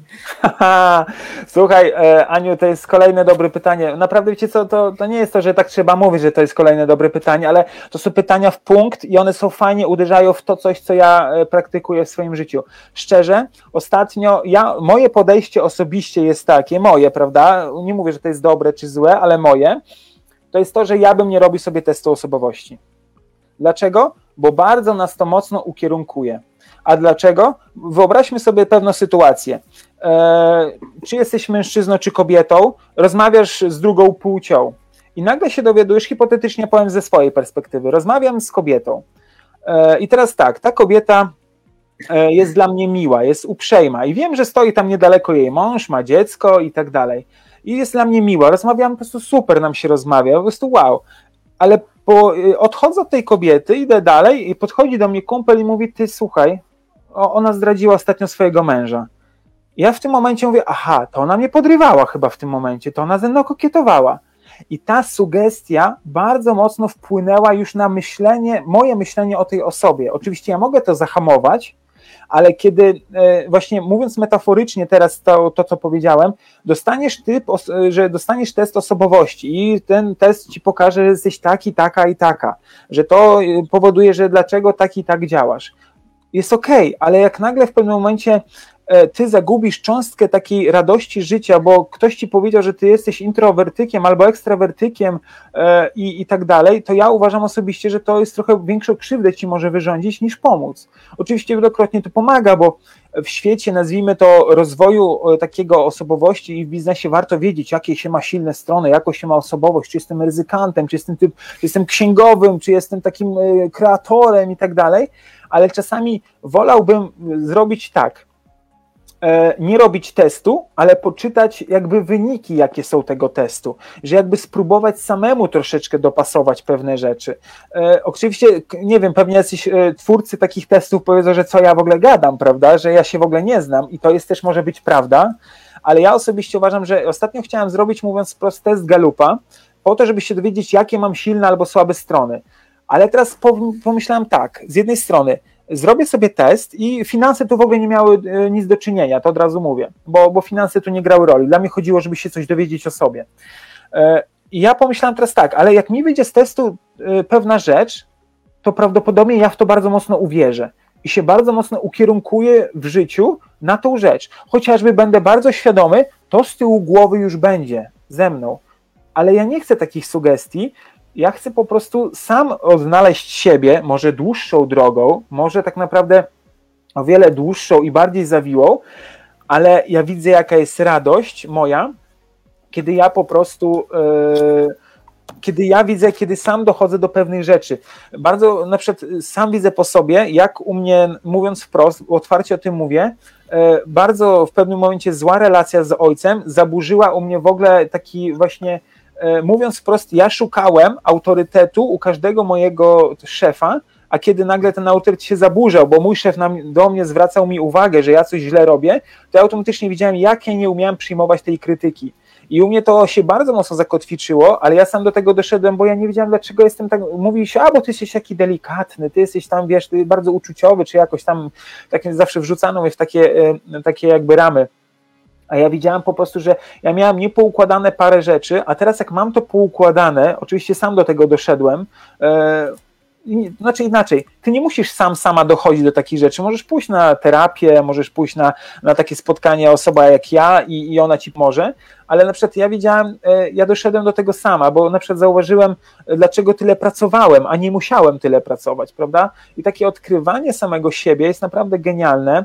Oczywiście mówiąc wprost, ja nie neguję e, tego, żeby nie robić takich testów albo że one są złe, ale ja po prostu zauważyłem, że ja chcę sam się dowiedzieć, jaki ja jestem. A jak się mogę o tym dowiedzieć? Ufając sobie i patrząc na to, jak jestem zbudowany, patrząc na to, jak świat jest zbudowany, to czasami takie wrzucanie w pewne ramy nie ma sensu, bo w tym momencie się bardzo sugerujemy i zatracamy pewną swoją naturalność, pewną swoją cząstkę, E, na, jakby, bo nam coś powiedziano, że tacy jesteśmy, to teraz ja wszystko podpasowuję pod to, prawda? Nie wiem, hipotetycznie, że jestem takim, nie wiem, jak to raptusem, to oczywiście nie będzie w testach takiego stwierdzenia, ale że jestem taki na, narwany na coś, to teraz będę mówił, aha, to ja nie mogę być taki narwany, bo to teraz to nie ten moment, żeby być narwanym, prawda? Albo że, e, aha, to ja nie idę do tego zespołu, bo tu nie potrzebuję narwańców, prawda? I, I teraz, a kto wie, może tak naprawdę początek trzeba być takim narwanym, żeby pokazać swoją osobowość, pokazać się, kim naprawdę się jest, bo w tym momencie oni powiedzą, potrzebujemy takiej osoby. A, a w tym momencie. Hmm? Tak? E, wybacz, wybacz, chciałem tak powiedzieć, że tak generalnie mm, tak naprawdę warto, warto zrobić ten test, ale traktować to bardziej jako taką wskazówkę yy, i ewentualnie mieć gdzieś to tam z tyłu z głowy, że mogę mieć takie słabe punkty, ale generalnie się jakoś nad tym mocno nie skupiać. Tak, tak, tak zrozumiałem. Tak. Tak, tak, bym powiedział. A, a ja osobiście uważam, że ja na przykład y, kiedyś, bo ja, ja tak y, chciałem takie testy robić i mi tam jakieś tam rzeczy wychodziły dobre i złe, ale ja osobiście nie robię takich testów, ale właśnie trzeba umiejętnie podejść do wyniku takiego testu, żeby to była wskazówka, ale naprawdę wskazówka, a nie mhm. jakby schemat działania, naszej, no, nasza nowa osobowość, nasza nowa tożsamość, którą sobie nadajemy, że e, skoro mi wyszło to i to, to znaczy, że będę taki i taki, prawda? Bo mi powiedział tak trener, to znaczy, że ja taki jestem, ale może trener za mało widzi. I tyle, prawda? Tu, czekaj, bo tu już jakieś e, widzę, że pytanie, a w zarządzaniu zespołem to nie, to nie pomaga. Wiedzieć, jak jest. Aha, okej. Okay. Nie, no tutaj to jest jakby kolejny e, aspekt tego, Aniu, co, co zadałeś pytanie, że w zespole to warto takie coś zrobić, e, że na przykład wiedzieć, jakie się ma oso osoby, to jest bardzo pomocne. Ja bardziej odpowiadałem na, na, na pytanie, czy ty sama na przykład byś chciała takie coś zrobić, ale wiedzieć, jakie się ma osobowości w zespole, to jest bezcenne, to jest bardzo ważne ale to nie trzeba robić do końca testów, tylko porozmawiać z osobami, które są najdłużej w zespole i są otwarte na współpracę, to one, one bardzo łatwo podpowiedzą. E, prostymi zdaniami, schematami e, powiedzą, jak, e, jaka osoba dana jest, prawda? Ja wielokrotnie na to trafiam i mi ludzie, ja mam taką przypadek, że mi ludzie bardzo szybko ufają, prawda? Że, że po prostu ja nie wiem, jak to się dzieje, ja po prostu, i oczywiście ja też trzymam to wszystko w tajemnicy, to co oni mi mówią, ale bardzo często dostaję takie informacje, jak wchodzę do zespołu, mówię, słuchaj, ten jest taki, ten jest taka, tu uważaj na to, tu uważaj na to, bo widzę po prostu, że widzą moją chyba naturalność, widzą, że ja chcę dobrze i widzą też pewne kompetencje i żebym tego nie zaprzepaścił na początku, bo ktoś rzuci jakieś głupie hasło po prostu, prawda? Więc to myślę, że, że to też jest ważne, żeby wiedzieć, ale też y, nie wiem, jakby nie wnikać za bardzo w to mocno, prawda? Niech to będzie taką lekką wskazówką, a nie taką po prostu, niech to będzie, nazwijmy to, e, kolejnym dodatkiem do Twojego dania, ale nie głównym daniem, to coś, co usłyszysz, prawda? Obym powiedział w ten sposób. Bardzo, bardzo mi się podoba ta odpowiedź. E, ja w ogóle taką szybką dygresję mam. Ja mam wrażenie. Paweł, jakbym, jakbym cię już dawno znał i jakbyśmy przegadali te tematy wszystkie, bo, bo to, co powiesz, tak naprawdę siedzi bardzo podobne, mam bardzo podobne odczucie do tego, co ty mówisz. No. Fajnie, fajnie. Więc fajnie. bardzo, bardzo mnie to cieszy i, i to jest chyba właśnie to, co mówiłem, że ja nie wiem, jak to się dzieje, ja po prostu, e, ja staram się być naturalny, ja popełniam błędy językowe, ja, ja popełniam jakieś tam błędy inne i tak dalej, ja się tym przejmuję, bo bo ja nie chcę być idealny, ja chcę być sobą po prostu, bo bycie sobą jest naprawdę fajną, fajną rzeczą, i, ale my czasami to zatracamy i tak jak mówisz, i dzięki temu, że człowiek jest taki naturalny, nie spina się, to ty tak jak mówisz, my równocześnie mogliśmy, wiesz, jakby stać na klatce, rozmawiać przy piwku i to też by było spoko, a, albo i możemy stać na konwencie estońskiego forum i, i też sobie spokojnie porozmawiać, prawda, i to, i to jest coś, że ta bariera ze mną, tego ja się czuję też bardzo młodo osobiście e, w swoim ciele, bo, bo ja nie czuję takiej bariery, czy to jest 60-latek. E, ja osobiście też mam takie podejście, że e, to też film o tym nagrałem, będzie za jakiś czas na moim kanale. Uważam osobiście, że nie warto mieć mentorów w życiu. E, takich osób, które nam wytyczają, co mamy zrobić, jak mamy zrobić. Uważam, że takie osoby nie są nam potrzebne, bo my w pewnym momencie gubimy swoją osobę na rzecz tego, co oni mówią. A, a jeszcze jest druga sprawa, że te osoby czasami nam czegoś nie mówią, bo się może czegoś wstydzą bo może czegoś coś zrobiły źle i nam o tym nie powiedzą, żeby tego nie robić, albo po prostu nie, nie wiedzą o tym. A jeśli naprawdę y, znajdziemy swój styl działania, to naprawdę nikt nam nie będzie potrzebny, tylko to jest ciężkie. A ja to po prostu zrobiłem, bo tak jak mówiłem, miałem zaburzoną relację z ojcem, którą potem sam e, uleczyłem, nazwijmy to sam ze sobą. I ja teraz widzę, że ja się czuję naprawdę wolny. Wolnym takim człowiekiem, gdzie nie ograniczają mnie e, po prostu czyjeś opinie. Oczywiście, oczywiście ja też się na tym gubię czasem, że ktoś coś napisze, a czy na pewno, a może jednak, ale to nie jest tak, że ja się na tym skupiam i to myślę na tym. Jeszcze z parę lat temu było tak, że bardzo się skupiałem. Teraz jest naprawdę to na bardzo e, niskim poziomie, bo ja widzę, co ja chcę zrobić w życiu i ja nie chcę być, bo ktoś jeśli zwraca mi uwagę, to znaczy, że on według jego standardów coś nie pasuje, ale, ale on chyba zapomniał, że ja mam swoje własne standardy i tymi standardami się kieruję po prostu w swoim życiu.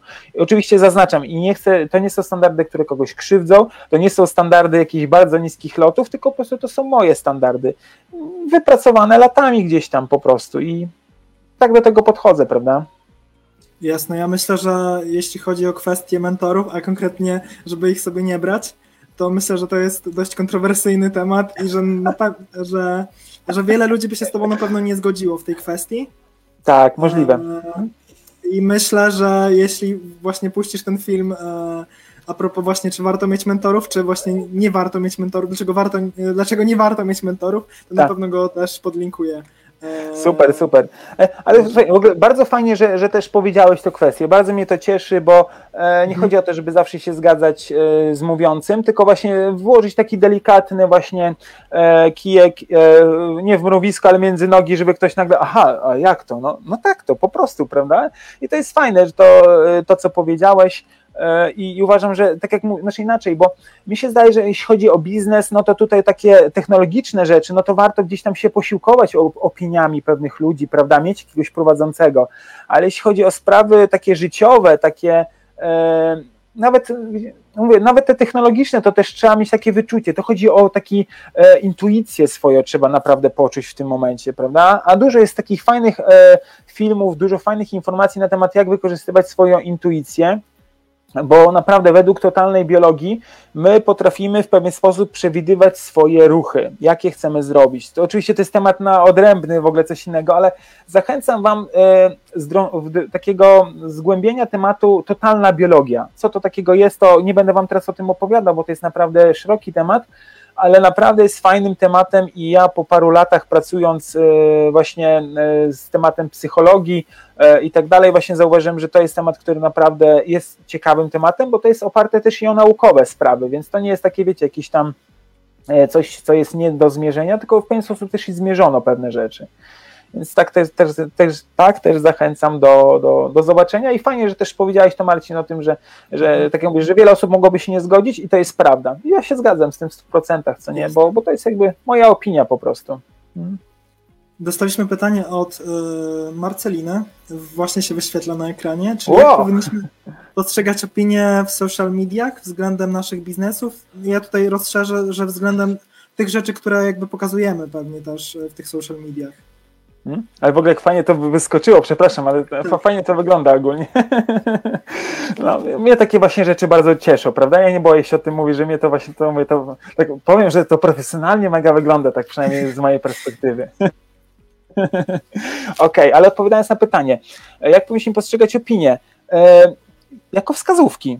To, to jest wskazówka po prostu. To, to nie musi być, e, tak jak mówię, to nie musi być e, jakby schemat życia twój teraz, bo ktoś tak napisał. Ja to bardzo często na sportowcach widziałem, jak ludzie, e, przepraszam, dam ci taki przykład e, Marcelina w ten sposób, że e, pomyśl teraz tak, ilu ludzi wypowiada się na temat piłki nożnej, jak ktoś powinien grać, jak on gra i tak dalej, a tak naprawdę ile osób realnie grało na takim poziomie, prawda? To jest najlepsze, że mhm. osoby, ilu my mamy trenerów w Polsce, ilu mamy zawodników, to jest w ogóle jak powinna grać nasza kadra, to jest wszyscy nagle jak jest piłka nożna, to wszyscy są trenerami i zawodnikami, wszyscy wiedzą. Ja nawet film nagrałem na, na, na swojego YouTube'a o tym, że właśnie e, jak taka krytyka jest w ogóle nie na miejscu, gdzie po prostu my, e, to jest taka trochę nasza domena czasów, że skoro nie wiem, to się wypowiem, prawda? Bo ja, ja widziałem, jak on zrobił Aha, widziałeś, ale przeżyłeś to? Czułeś chociaż odrobinę tych emocji, które tam były? Nie. Tylko po prostu tobie się wydaje. Oczywiście ja wiem, że z drugiej strony, patrząc, ktoś może fajnie nam podpowiedzieć parę rzeczy, ale bardzo często niestety trzeba umieć wyłowić tą realną opinię, tą dobrą opinię. I to jest problem naszych czasów, że my czasami wierzymy we wszystko, a czasami powinniśmy naprawdę wychwycić konkretną, dobrą opinię. Więc ja uważam, że jeśli masz słuchać opinii na temat Twojego biznesu albo czegokolwiek, to teraz się zastanów, która opinia jest warta tego. Bo tak naprawdę mówię, przykładem jest dobrym piłka nożna, kiedy nagle mówię, pół kraju staje się, mówią jak mają grać, dlaczego oni grają, dlaczego nie ten trener, e, tyle pieniędzy tam płacą i tak dalej. A ja zapytam drugą stronę, a jakie masz doświadczenie grając na stadionie, kiedy na stadionie jest 50 tysięcy ludzi, przed telewizorami jest kilkadziesiąt milionów? Jakie masz, ile osób na świecie ma takie doświadczenie, żeby tym się podzielić? No teraz to już w ogóle ciężko, bo to już teraz tylko przed ekranami, prawda? Ale tak jak no. było po prostu te Mistrzostwa Świata, e, Mundial, to ile po prostu tam się krytyki wylało, gdzie po prostu ludzie kompletnie nie znający tematu i tej presji, tego wszystkiego, wypowiadają się jakby byli tymi zawodnikami po prostu, prawda? Jakby byli koledzy z drużyny, którzy sami krytykują swoich kolegów z drużyny, prawda? Więc taka moja tak. metafora i uważam, że trzeba umiejętnie wyłapywać, co jest istotne, prawda? A tak naprawdę brać to jako tak lekkomyślnie i, i nie przejmować się przede wszystkim tym. Właśnie, właśnie super, że ostatnie to zdanie powiedziałeś, czyli nie przejmować się tym. Ale ja chciałem cię jakby pociągnąć trochę za język i zapytać właśnie jak, co w momencie, kiedy właśnie zaczynamy się przejmować tym, czy to właśnie opiniami, czy to nawet już hejtem. Mm -hmm, I czy masz jakąś taką radę, którą mógłbyś nam dać? Aha. E, osobiście to polecam bardzo zracjonalizować e, daną opinię. Nazwijmy to, nie, nie szufladkujmy to hipotetycznie, czy to jest e, hejt, czy to jest jakiś tam e, zła opinia, jakkolwiek, ale po prostu ja to zawsze racjonalizuję. Czy ta osoba na pewno ma rację? Czy to na pewno ona wie do, dokładnie, co ja robię? Czy ta osoba nie jest spaczona czymś? Ja bardzo dużo miałem takich komentarzy. Prywatnie dostawałem, gdzie po prostu ktoś powiedział, o kolejny, e, mówiąc, przepraszam za stwierdzenie, coaching, strouching, co nie, jakiś mentoring, pierdoring, przepraszam za takie stwierdzenia, ale takie po prostu, no, no, no, ludzie piszą różne rzeczy, prawda, jak to, jak to się mówi, papier wszystko przyjmie. E, to, oczywiście to była metafora, że papier wszystko przyjmie, chodzi o klawiaturę, o wszystko napiszesz. E, ja mówię, no dobra, słuchaj, ale ciebie to nie ciekawi, to luz albo mnie tam poprawiają i tak dalej, prawda? Ja jakby inaczej, ja patrzę na to, czy ktoś po prostu się czepia, bo się czepia, e, czy ktoś naprawdę się czepia, ale chce mi na przykład pomóc. I to jest ta różnica. Jeśli ja na przykład widzę tą realną pomoc, to, to mówię, ok, super, fajnie, że ta osoba mi to powiedziała. Że tak powiem, chwała Bogu, nie, nie, podziękować mu trzeba za tą e, informację, a jeśli ktoś mi pisze tego typu rzeczy, bo on się kiedyś, e, nie wiem, sparzył na coachingu, on widzi, że na przykład, nie wiem, poznał jakiegoś trenera, który po prostu naciągał ludzi i tak, nie wiem, cokolwiek innego z tym związanego, to on każdą osobę tak będzie mówił. Ja widziałem, ile na przykład, y, mówię, ile było hejtu na Mateusza Grzesiaka, jak, y, jak, jak gdzieś tam on po prostu, on, on miał swoją wizję siebie i koniec, kropka. Ma swoją y, rzeszę ludzi, którzy go lubią, którzy go szanują, płacą mu za, za, za, za jego usługi i tyle. I, nie, I oczywiście, a jest z kolei druga grupa osób, która go nie lubi i będą pisali to i tamto, siamto.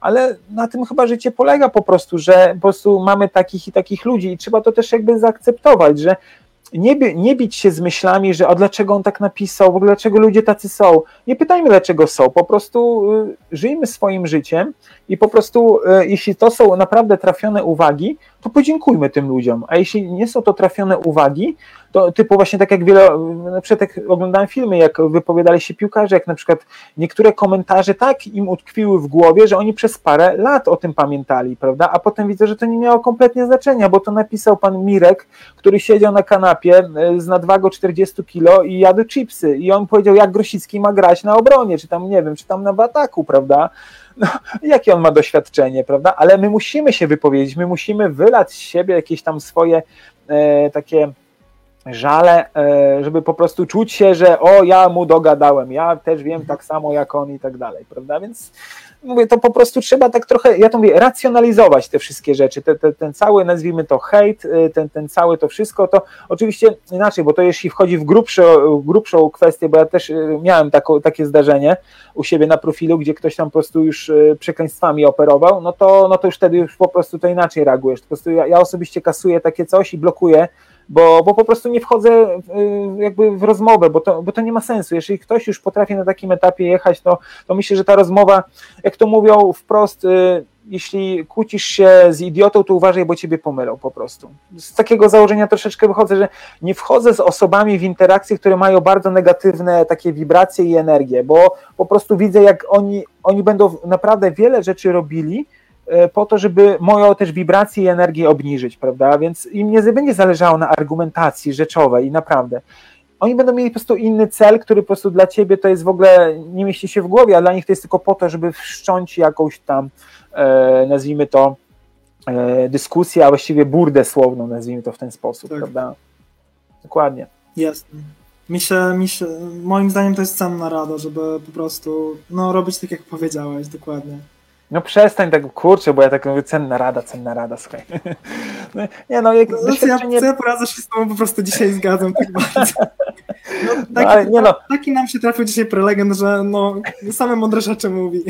Nie no, nie no, raz się nie zgodziłeś, to dobrze, słuchaj, dobrze, jest, jest, ta, jest to odstępstwo od reguły, słuchaj, nie no, tak się śmieję, no, no to są takie życiowe sprawy, no to gdzieś tak człowiek do tego podchodzi, że, że po prostu, e, no życiowo podchodzi, e, żeby po prostu sobie radzić, nie przejmować się, a, a zająć się swoim życiem i swoim szczęściem, to po prostu trzeba to są takie uniwersalne sprawy, które pomagają, mogą pomóc każdemu, o ile chcemy pomóc sobie samemu. O tak powiem. Super, super. Chciałem e, zadać Ci też takie pytanie. Hmm. Jako, że tak Ci mówiłem, przygotowałem się do tego wywiadu, przejrzałem sobie Twoją stronę, Twojego bloga i chciałem, o. i trafiłem na taki artykuł, w hmm. którym e, mówiłeś, e, jak, jak zaaranżować sobie przestrzeń wokół nas, żeby ona wspierała nas w osiąganiu sukcesu. Mam nadzieję, że niczego nie przekręciłem, ale mniej więcej tak to wyglądało. Boże, wiesz co, chyba złapałeś mnie, bo nie pamiętam. Nie. nie, ale wiesz, wiesz co, e, ogólnie powiedz mi to chodziło, bo powiem szczerze, ja dużo, to jest taka właśnie domena tego, jak się tworzy dużo rzeczy, że potem się mhm. troszeczkę już tych rzeczy tak nie pamięta do końca. Ja się przyznam, to tak jak piosenkarze nie pamiętają swoich tekstów, dlatego mają taką zgrabną tutaj rzecz e, w uchu, jak, jak e, grają koncert i jak grają wiele utworów i właśnie, oczywiście są tacy, którzy pamiętają wszystko, oczywiście, ale są tacy, którzy potrzebują taką, taką właśnie słuchaweczkę i im to, im to bardzo pomaga. E, zaaranżować przestrzeń. Powiedz mi, a chodzi ci pod kątem takim materialnym, czy takim w sensie, że jak, jak sobie poukładać wszystko dookoła, czy bardziej to chodzi o taką mentalną e, sferę, jak zadawałeś to pytanie? Co miałeś na myśli, powiedz? Ja właśnie, właśnie, się, właśnie się zastanawiam, czy y, w którą, w którą stronę jakbyśmy chcieli pójść. Może bardziej tą stronę mentalną. Właśnie mhm. jak, jak ty byś to rozumiał? Czy, czy, czy, wiesz co, tutaj to jest kwestia. E, ja uważam, że trzeba po prostu dbać o, o pewne rzeczy wokół siebie koniecznie, bo te rzeczy dają nam energię. E, I ja jestem za tym, że rób to, co daje tobie energię, a nie to, co ją tobie odbiera. E, tobie energię odbiera złe jedzenie, e, tobie energię odbiera oglądanie zbędnych filmów, po prostu jakiś pierdół. Kolejny filmik na temat tego, oczywiście ja też to czasem wpadam, się przyznaję, ale dlatego o tym mówię, bo też mam te, ten przywar, że oglądam kolejny filmik, jak tam gościu na siłowni podnosi coś tam i tam jakieś tam śmieszne fajle są, co nie? To, to, jest, to jest norma, prawda? I przyznam się szczerze, że nieraz na TikToku spędziłem dwie godziny, prawda? Bywa i tyle, i nie mam do siebie pretensji w żaden sposób. E, i tak naprawdę powiem szczerze, że rób to, co. Powiem w ten sposób: rób to, co daje tobie energię. E, spotykaj się z dobrymi ludźmi i odrzucaj złych ludzi. E, jedz dobre jedzenie i odrzucaj złe jedzenie. Czytaj dobre książki, które cię coś, czegoś ciebie nauczą i które dadzą ci po prostu nowy punkt widzenia nie, nie trzymaj się twardo swoich przekonań, które masz utkane, jak byłeś małym dzieckiem, bo bardzo wiele rzeczy utkanych mamy, jak mieliśmy 3 lata. 3 lata to jest w ogóle kosmos, kiedy do tego czasu bardzo wiele nawyków i przekonań nam się kreuje, prawda? Jestem tego świadomy, jak właśnie z moją córką spędzam czas, to jest w ogóle świadomość jest błogosławieństwem, jest przekleństwem, bo po prostu nieraz pokazuje ci, jak wiele masz do zrobienia, a zarazem daje ci możliwość widzisz, jak możesz czemuś zaradzić, prawda? To jest, to jest inny aspekt tego wszystkiego. Ale ja myślę, że przede wszystkim dbajmy o taką higienę właśnie naszej, e, naszego, naszego mentalu, naszej takiej właśnie, co wkładamy do naszej głowy przede wszystkim. Nawet taki artykuł mam, e, mentalna dieta, że tak naprawdę na przykład hipotetycznie moj, moją obserwację jest genialnie moja, moja ceczka, gdzie ona na przykład telewizję, ona ma e, dwa lata i trzy miesiące i ona telewizji oglądała może z godzinę, prawda? Bo, a bardziej to nie była telewizja, tylko e, wideo, rozmowy z babciami, jakieś tam filmiki, które nagrywaliśmy z nią, jej pokazywaliśmy po prostu i to było tego typu rzeczy. I ona ma genialną pamięć, ona pamięta, co ona powiedziała tydzień temu, dwa tygodnie temu o jakiejś sytuacji albo nagle o czymś nawija, mówię, Boże, jak ona o tym pamiętała ale potem sobie myślę, no tak Paweł, ale ty codziennie wkładasz sobie gigabajty e, wiedzy do głowy, a ona pamięta, bo ona ma tylko te nasze życie i to jest fajne, że ona nie ma obciążonego umysłu, dlatego ona się fajnie teraz rozwija, bo ona naturalnie to wszystko pojmuje i działa, prawda? Więc to jest genialne pod tym kątem, że taka, e, taki właśnie e, higiena, taka informacyjna jest bardzo ważna, ważna, żeby nie być takim FOMO, tak zwany fear of missing out, czyli e, strach przed tym, że coś, nam omi, coś nas ominie, tylko po prostu nie bać się tego, tylko naprawdę czytać wartościowe rzeczy. Ja też bardzo wiele mailingów poodrzucałem, nie czytam bardzo wielu maili. Po prostu tego nie robię, bo koniec. I stwierdziłem, że to nie jest mi do niczego potrzebne, to mnie nie zmieni. Ja widzę, co mnie realnie zmienia, prawda, co mi wprowadza w takie moje radość w moim życiu i chęć rozwoju w moim życiu, prawda? Jasne. Hmm? Super, super, widzę, dziękuję. Pytania nam się Pyta... pojawiły, widzę tutaj tak, tak właśnie. Tak, tak, ale jeśli pozwolisz, to te pytanie o SF na razie pominiemy, bo ja jeszcze chciałbym z tobą w ogóle ten temat tak do, głębiej, głębiej poruszyć, mhm. a więc to tak jakby do tego pytania Ania na pewno wrócimy, więc się nie martw, ale teraz chciałbym jeszcze, e, zanim przejdziemy do pytań o studenckie forum, to chciałem ci pokazać jeszcze jedno pytanie odnośnie do Marceliny. E, jak, jak motywować swój zespół do działania w czasach pandemii? Jak to, jakie jest twoje hmm. zdanie? Hmm, co ta mądra głowa Paweł powie teraz, prawda? Ciekawe. Wiesz co, przede wszystkim pytanie e, jest tak bardzo, jest tak bardzo prosto skomplikowane, że tak powiem. E, pytanie, do czego chcesz ich zmotywować, prawda? Bo, bo na przykład są bardzo różne osobowości, które boją się pandemii e, i tutaj musisz to respektować, prawda? Niektórzy noszą maseczki i będą je nosili, bo po prostu się boją, prawda? Mają swoje obawy. E, więc to jest pytanie bardzo ogólne, ale postaram się jakoś tak sprecyzować troszeczkę po swojemu. E, jak motywować zespół do działania w czasach pandemii? E, mm, myślę, że tutaj przede wszystkim poznaj swój zespół, kim on jest ten zespół i do czego chcesz ich zmotywować, bo chcesz ich zmotywować do rzeczy, które są naprawdę trochę poza schematem codzienności, to będzie to niełatwe, bo to musisz wziąć pod uwagę, więc jakby może inaczej nie jak motywować, ale bardziej poznaj swój zespół, co to są za osoby, do czego chcesz ich tak naprawdę nakłonić w pewien sposób, bo nazwijmy to, że motywacja jest po to, żeby kogoś do czegoś nakłonić. Się mówimy o w dobrych aspektach, o nie manipulacyjnych, negatywnych, ale po prostu pomyśl sobie w ten sposób, że hipotetycznie jak ja mam zespół, to ja bym pomyślał tak, co ja chcę uzyskać od tego zespołu, czy to, co ja chcę uzyskać, nie jest za bardzo e, takie, nazwijmy to, górnolotne albo świechtane. I teraz pytanie, jeśli znam swój zespół, to wiem, czego unikać i czego nie poruszać, bo bardzo często my myślimy sobie, że no dobra, poruszymy ten temat, bo to jest, e, bo po prostu tam kilka osób go nie lubi, ale to, to mnie to troszeczkę nie obchodzi. No nie do końca. Trzeba po prostu to się do, w pewien sposób dostosować, poznać tą grupę, e, bo po prostu nie, nie ma innej opcji, bo bardzo często możemy coś powiedzieć głupio. E, ja miałem kilka takich sytuacji, gdzie po prostu, e, czy to było w zespole, czy to gdzieś pod klubem, coś powiedziałem głupiego i o mało potem nie tu wylądowałem na ziemi z rozbitym nosem, bo po prostu komuś coś się coś nie spodobało i tyle. To, to są różne sytuacje. Widzę, że dyskusja się tu trochę tam e, ten rozwinęła na tych, na, na, na komentarzach ale przede wszystkim tak można powiedzieć, że bardzo trochę omijam jakby to pytanie albo bardzo krążę wokół niego, ale jak zmotywować zespół do y, te, teraz w czasie pandemii? Po prostu pomyśl jaki masz cel i pomyśl jak realnie na prostych przykładach możesz im go przedstawić ten cel. Typu na przykład jeśli chcesz, żeby oni nie wiem, zaczęli e, nie wiem, jakby bardziej się angażować w pracę, więcej czasu spędzać gdzieś, no to musisz im pokazać realne, ale takie naprawdę realne rzeczy, które z tego będą miały, prawda? E, jeśli to, jeśli mają rodziny, to pamiętaj, że rodzina będzie zawsze na pierwszym miejscu niż, e, niż praca, przynajmniej tak powinno być. Jeśli to są młode osoby, to pokaż im, jaką wartość będą miały z tego wszystkiego. Jakby pomyśl za, za nich, co ciebie osobiście by zmotywowało, jakby przyszedł jedna osoba z twojego zespołu i powiedziała, że ona chce coś zrobić, to, to teraz byś na pewno umiała jej powiedzieć, jak ona ma to zrobić, żeby ten zespół zmotywować. Ja to zawsze robię na takiej zasadzie, że ja patrzę, jak ktoś chciałby mnie w ten sposób zmotywować, co miałby powiedzieć.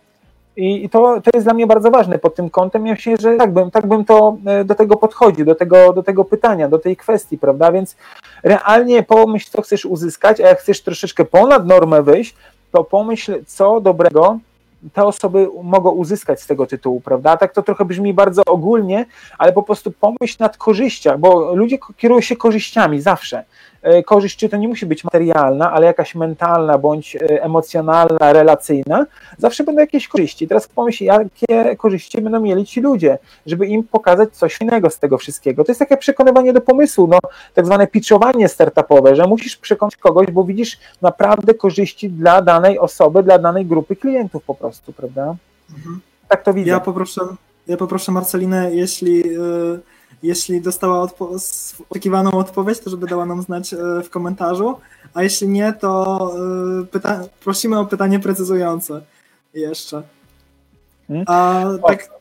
Tu, tutaj, przepraszam, akurat padło bardzo fajne od Darka stwierdzenie. E, fajnie, że to zauważył i to też jest kolejny aspekt, który też chcę E, e, właśnie poruszyć, że e, czasami człowiek, jak, tak jak ja się przyznaję do tego, że tak jak mówisz, ja oceniłem, ktoś jest dobry, ktoś zły.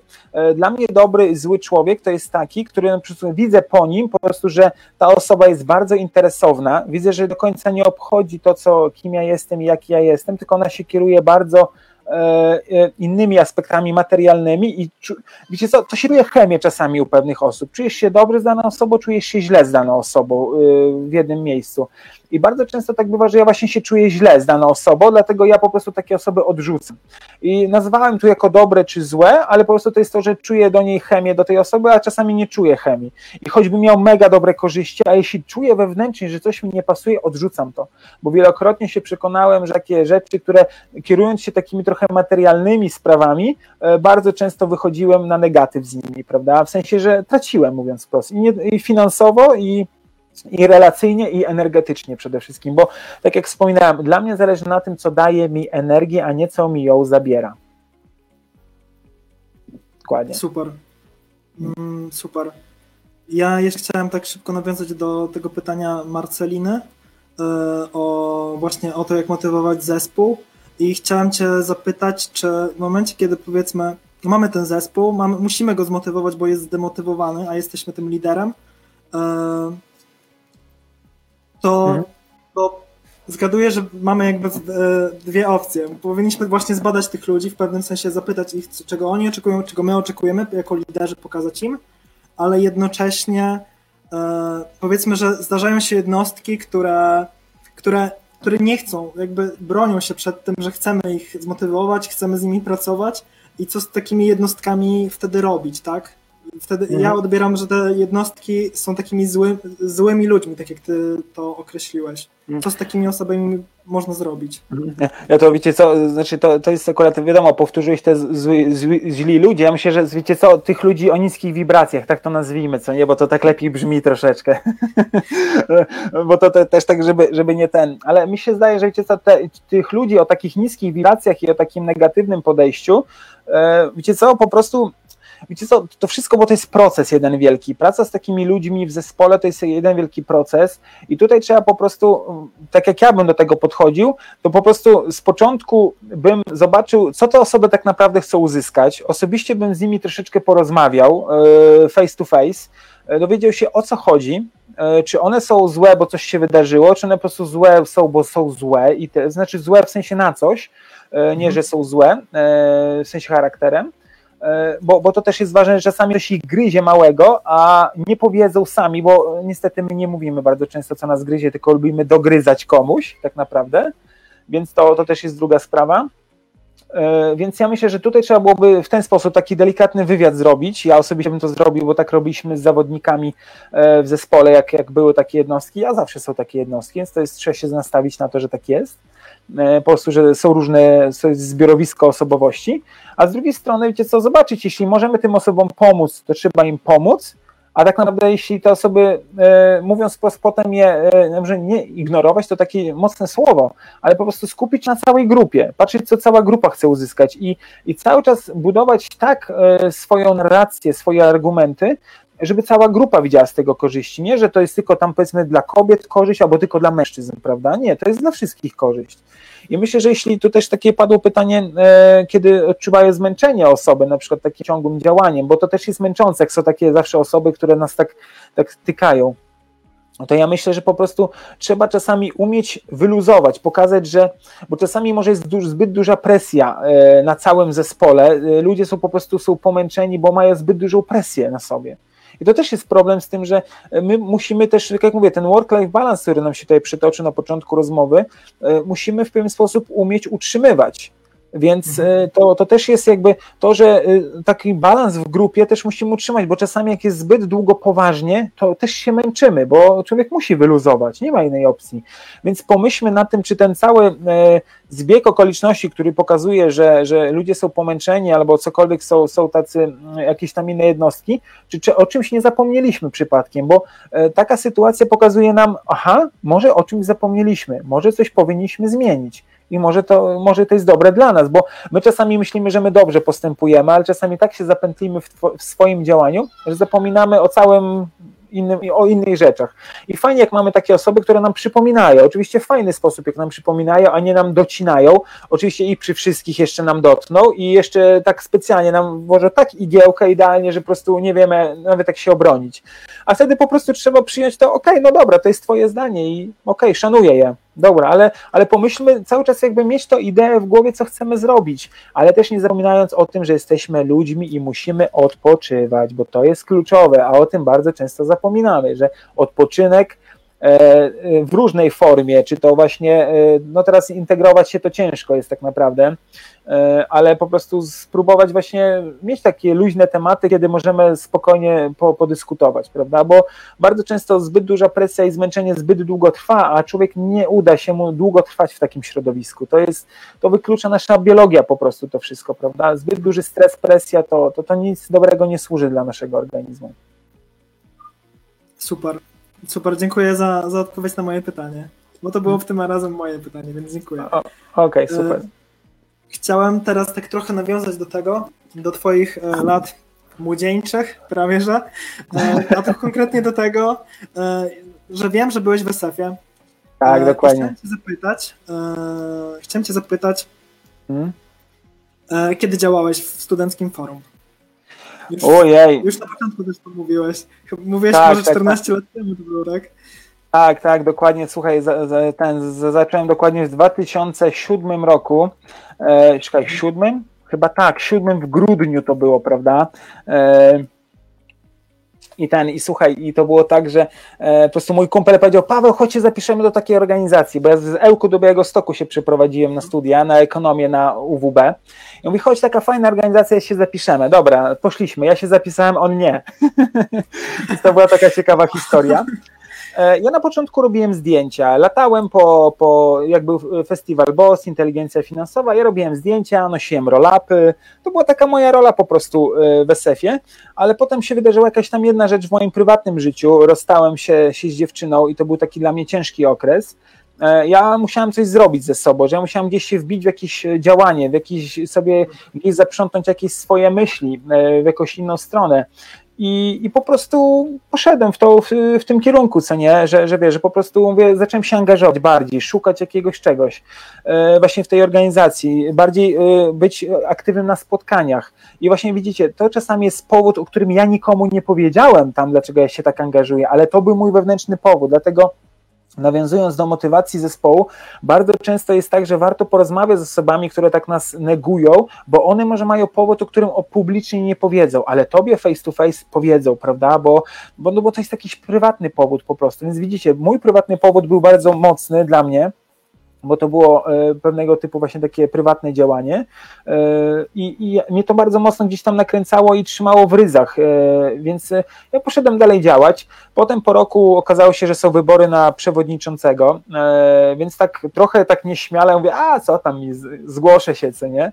No i po roku, chyba po roku, Boże, już nie pamiętam, ale chyba po roku, prawda, działania właśnie jakby zgłosiłem się na, na właśnie do swoją kandydaturę na przewodniczącego, e, no i wygrałem, że tak powiem, chyba nie wiem czy jednym głosem, ale naprawdę wiecie, to był taki start, gdzie to było takie rzucenie się na głęboko wodę, bo to ja byłem takim aplikantem, który troszeczkę tam działał, a tu były osoby, które wiecie, bossa prowadziły, e, one tam ogarniały te finanse troszeczkę i tak dalej, ja sobie myślałem, o, ale dobra, próbujemy, co będzie, to będzie, prawda, no więc, więc tak, to, tak to trochę się zaczęło. Nie wiem, czy, bo, czy bo zada, zadałeś pytanie, e, bo, bo trochę chyba zgubiłem wątek twojego pytania tak naprawdę.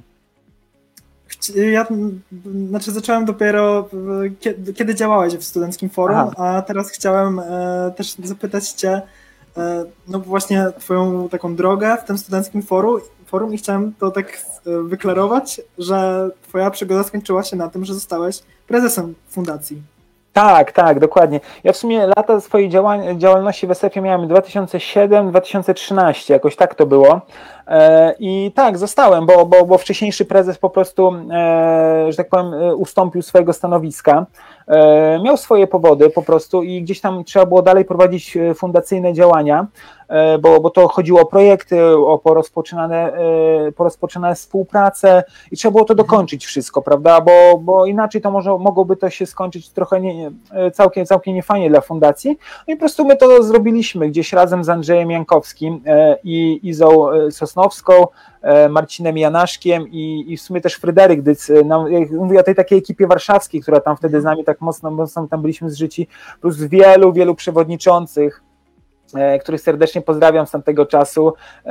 Teraz pamiętam, Boże, nie, chcę, nie chciałbym nikogo pominąć, ale naprawdę wiele, wiele regionów nam pomagało.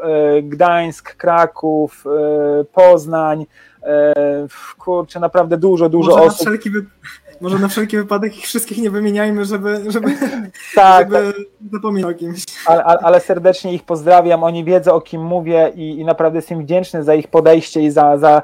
Tak naprawdę też jestem wdzięczny za ludzi, których tam spotkałem, bo, bo ten y, w zespole, w którym miałem okazję działać, tak jak wymieniłem te, te, te, te 4-5 osób, to, to naprawdę to, był, to też był fajne, bo my się uzupełnialiśmy wieloma działaniami, prawda? E, naprawdę Andrzej miał swoją, e, tak, nazwijmy to, część e, do zrobienia i za swoją, Marcin swoją, tam też Fryderyk nam, mówię, pomagał. To było naprawdę fajne. Oczywiście też inne osoby, ja nie chciałbym nikogo pominąć, naprawdę przepraszam, jeśli kogoś pomijam, ale to ta, ta przygoda jako prezes właśnie była o tyle fajna i, i dobra, bo miałem wokół siebie naprawdę fajny zespół. Właściwie nie, jakby inaczej, ja się nie, tam nie, nie cechowałem na lidera, nie chciałem być takim typowym liderem, tylko my wtedy naprawdę musieliśmy stworzyć zespół, żeby to wszystko y, ogarnąć, mówiąc kolokwialnie, prawda? Więc to, to ja byłem prezesem też niedługo, bo ja byłem chyba przez 9 czy 10 miesięcy bo potem wewnętrznie czułem, że potrzebuję zmiany. To już widziałem, że to był czas na zmianę po prostu i ten czas fajnie przyszedł, bo e, wtedy już też e, e właśnie, pamiętam wtedy pytano mnie, czy, czy będę startował i tak dalej, mówię, że nie, nie, nie, ja, ja to robię te wybory, ponieważ to już jest czas, że ja potrzebuję e, pójść gdzieś dalej, że ten prefiks mi już nie jest potrzebny bycia prezesem, e, właściwie PO prezesa, tylko ja po prostu potrzebuję pójść gdzieś dalej już swoją drogą, prawda? Więc to, to było takie moje główne założenie, dlatego też i pewnym momencie zakończyłem współpracę ze Studenckim Forum, bardziej taką, nazwijmy to bardzo czynną współpracę, a wszedłem na taką e, współpracę właśnie jak e, teraz współpracuję, zazwyczaj właśnie e, z osobami, z, zazwyczaj właśnie, tak to zabrzmi, z prezesami Studenckiego Forum współpracuję, ale po prostu z osobami, które gdzieś tam ja swoją, swoją osobę udostępniam, swoje umiejętności, żeby im pomagać, wspierać ich po prostu mentalnie, nazwijmy to wprost, prawda, bo lubię to robić po prostu, lubię pracę z ludźmi, uwielbiam to, uwielbiam rozkminiać pewne rzeczy, uwielbiam e, znajdować rozwiązania, e, które nie każdemu się spodobają, nie każdego będą, dla każdego będą skuteczne, ale będą e, ciekawymi rozwiązaniami, prawda? Takimi, które pamiętajmy, że one są dostosowane do osobowości. To, to jest kluczowe w tym wszystkim, prawda? Więc tego też się trzeba trzymać, jeśli chodzi o rozwiązania. I teraz chciałbym wrócić do pytania, które zadała nam Ania a konkretnie tobie zadała pytanie. I ja bym okay. chciał rozwinąć trochę to pytanie, bo czy i jak działanie w studenckim forum wpłynęło y, znacząco na twoją, twoje życie, na twoją karierę? Oj, tutaj to, to, jest, to jest takie ciekawe pytanie, bo to jest bardzo przewrotne, to, to, to, to jak, jak to było w tym studenckim forum, bo e, naprawdę były ciężkie i, i lżejsze momenty, były naprawdę e, czasy, kiedy my się śmialiśmy, e, bawiliśmy się w tego najlepszym słowa znaczeniu i, i były czasy, kiedy naprawdę trzeba było spinać tyłek i, i, i działać. Jak to wpłynęło na moje życie? Bardzo dobrze wpłynęło, bo zauważyłem, co jest fajne, trochę, nazwijmy to, pożyłem studencko i, i trochę tak pobawiłem się jeszcze, gdzie, kiedy nie było takiej dużej odpowiedzialności w tym wszystkim. Oczywiście to nie brzmi tak, że w Studenckim Forum nie ma odpowiedzialności, ale kiedy tak naprawdę jeszcze pewne błędy uda ci się naprawić, bo jesteś jeszcze na tyle młody, prawda? To też jest fajne, e, że nie rozpamiętujesz tego. Ale czy wpłynęło znacząco? Myślę, że tak. Bardzo wiele relacji teraz mam. Naprawdę w całej Polsce mam znajomych. To jest bardzo fajne, kiedy mogę się odzywać do wielu osób e, po prostu, którymi e, gdzieś tam, e, z którym ci kiedyś współpracowałem, to, to relacje to przede wszystkim, to mi dało bardzo fajne znajomości. I takie głębsze znajomości, i takie płytkie znajomości, ale te, te jakościowe znajomości zostały do tej pory, słuchajcie, to ja widzę z, z niektórymi osobami naprawdę się fajnie trzymam i to dużo dało. I powiem szczerze, że teraz te wszystkie, e, w tamtym okresie jak działałem, poznawałem ludzi biznesu, nazwijmy to, i, i miałem rówieśników e, właśnie no, w swoim wieku, rówieśników, to teraz widzę, że te osoby fajnie się po e, one się porozkładały po wielu firmach albo mają własne firmy i widzę, jak te znajomości się nagle rozwinęły, prawda, że teraz e, ten pracuje u tego, jest na takim stanowisku, ten zna tego, ten zna to i tak naprawdę patrząc na taki trochę aspekt właśnie biznesowy, to widzę, ile znajomości mi się tak jakby, jakby mm, nie swobodnie, ale naturalnie się porobiło, prawda, że nagle się okazuje, że gdzieś ten, ten, ten kogoś zna i ten się okazuje, że ten zna tego, prawda, i to też jest fajne pod tym kątem. A jeśli mhm. chodzi o ogólnie o działanie, to zauważyłem, że praca, mówiąc wprost, praca po godzinach i 12 godzin dziennie to nie jest dla mnie i trzeba znaleźć ten work-life balance, i w tamtym, y, mówiąc okresie czasu, nie wiedziałem, co to jest. W biurze siedziałem po 10, po 12 godzin e, i, i pracowałem. E, I to też jest taki aspekt, że nauczyłem się pracować e, jakościowo, a nie ilościowo. Więc to, to też było takie mm, dla mnie właśnie dobre i przełomowe. I co więcej, wiecie co, zauważyłem też jedną rzecz, że trzeba studenckie forum niech ci pokaże, jaka jest twoja prawdziwa wartość jako człowiek, bo ludzie bardzo często będą e, robili w ten sposób, że te słowo studenckie, ten prefiks, będą stawiali jako, a to studenci, to tak, a to nie, ty musisz po wyjściu ze studenckiego forum zapamiętaj sobie jedną rzecz. żeby po prostu wiedzieć, jaka jest Twoja wartość i co Ty zrobiłeś, zrobiłaś. Bo to Ty musisz umieć dla pracodawcy, jeśli będziesz e, szedł do kogoś, szła do kogoś pracować, powiedzieć, co Ty wykonałaś, co Ty wykonałeś, a nie, że pracodawca sam to oceni. Bo on oceni jako studenckie, on pomyśli, że to jest koło naukowe, gdzie wy siedzieliście i tam dywagowaliście sobie, a wy robicie konkretne rzeczy. Więc tutaj też mi pokazało, jak prawidłowo e, pokazywać swoją wartość na rynku. I to jest kluczowe, bo niestety żyjemy w takim świecie, że ludzie nie, nie zagłębiają się, bo nie mają czasu zwyczajnie w świecie zagłębiać się w nasze doświadczenie. To my musimy odpowiednią narrację, odpowiednim storytellingiem fajnie opowiedzieć, co my wykonaliśmy, bo na tej podstawie oni nam będą dawali odpowiedzialność e, w firmach oraz my będziemy sami i też nawet jak sami ich firmę otworzymy, też zobaczymy, jak sami ogarnialiśmy i będziemy umieli to zrobić. Więc e, mi to pomogło taką zbudować wartość tego, co ja robię, bo ja widzę, jak moi dobrzy znajomi, którzy mnie znają, to mówią, a co ty tam, e, widzę, jak ludzie postrzegają te studenckie forum, mówię, nie, nie, nie, tam robiłem konkretne projekty, tam mieliśmy, tam mieliśmy budżet, którym prawie było pół miliona złotych, więc ja mówię, to, to były odpowiedzialne duże kwoty, gdzie ja musiałem tym zarządzać i ja musiałem podejmować decyzje, więc to, mówię, to obrotu było bardzo dużo, wydatków też było bardzo dużo, ale to właśnie mi, ja pokazuję, jaką już ja kwotą wtedy obracałem, jako, jako młody człowiek i musiałem to zrobić z głową, prawda?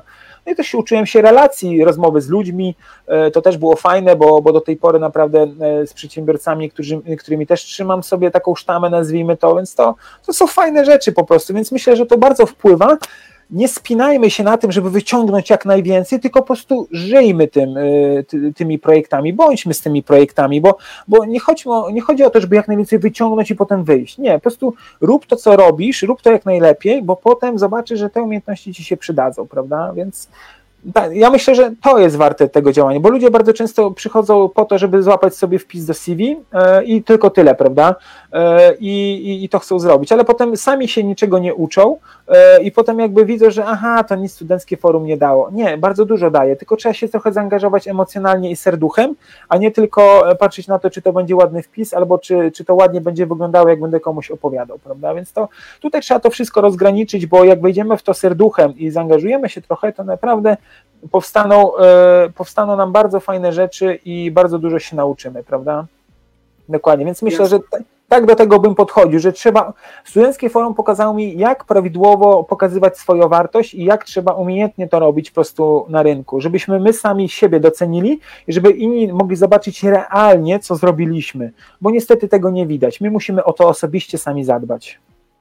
Super, super, bardzo, bardzo te słowa ostatnie w szczególności tak. Yy no były takie podsumowujące i były naprawdę fajne. Super. Dziękuję Super. Ci, Pawle. Myślę, że będziemy dobieg... E, że nasza, nasza rozmowa będzie dobiegać końca, bo no. przegadaliśmy prawie dwie godziny. Ja cię kręcę, Boże, ale jeśli ludzie z nami są, to jestem, o Boże, naprawdę szapoba dla tych, którzy wytrzymali, słuchajcie, naprawdę. Tak. Jeśli z nami jeszcze jesteście, to napiszcie nam w komentarzu, co wynieśliście jakby z, ze spotkania z Pawłem, tak naprawdę ze spotkania z Pawłem. E, no i co? I powoli będziemy kończyć. Ja mam chyba tylko jeszcze jedno do ciebie pytanie, mhm. Którego ci nie zadałem w trakcie, e, bo, no bo rozmowa była tak intensywna, że, że nawet nie tak. zdążyłem ci tego pytania zadać. Chciałem, e, ale sobie założyłem na początku tego pro, projektu, że zadam, będę zadawać prelegentowi parę pytań. Czy na przykład, jaką książkę poleca? Już poleciłeś mhm. nam dzisiaj chyba nawet z, z pięć książek. Nawet. Tak, tak, tak, dokładnie. Więc o to pytanie cię już nie zapytam, ale chciałem ci zadać jeszcze jedno pytanie. Gdybyś miał możliwość spotkać siebie z przeszłości, to jaką mhm. dałbyś sobie radę? O, to jest dobre pytanie. Ech, o ja, jedną radę? Tak, jedną radę. Mm. E, wiesz co, chyba to to, co o czymś też y, bardzo się często przewijało, że mm, staraj się nie naśladować nikogo, ale odnaleźć siebie w sobie. To bardzo brzmi ogólnie, ale uważam, że naprawdę mamy w sobie mnóstwo pokładów genialnych informacji i wiedzy i bym powiedział tak, że Paweł, nie staraj się być kimś, staraj się być sobą i odnaleźć siebie w sobie. Tak bym, taką radę bym chyba dał sobie jako młodemu i bym to musiał sobie bardzo mocno wyperswadować po prostu tą, tą, tą, tą radę, żeby po prostu tak zrobić, że e, zaufaj, że ty wiesz wszystko i, i po prostu, że zaufaj samemu sobie i jakby po prostu, dokładnie, już nie, nie będę tego rozwijał, ale taką radę bym dał właśnie sobie, prawda, młodemu, Super. że odnajdź y, swoje, naprawdę swój potencjał w sobie, prawda, bo masz ten potencjał, a musisz go tylko odnaleźć i zaufać sobie i odkryć.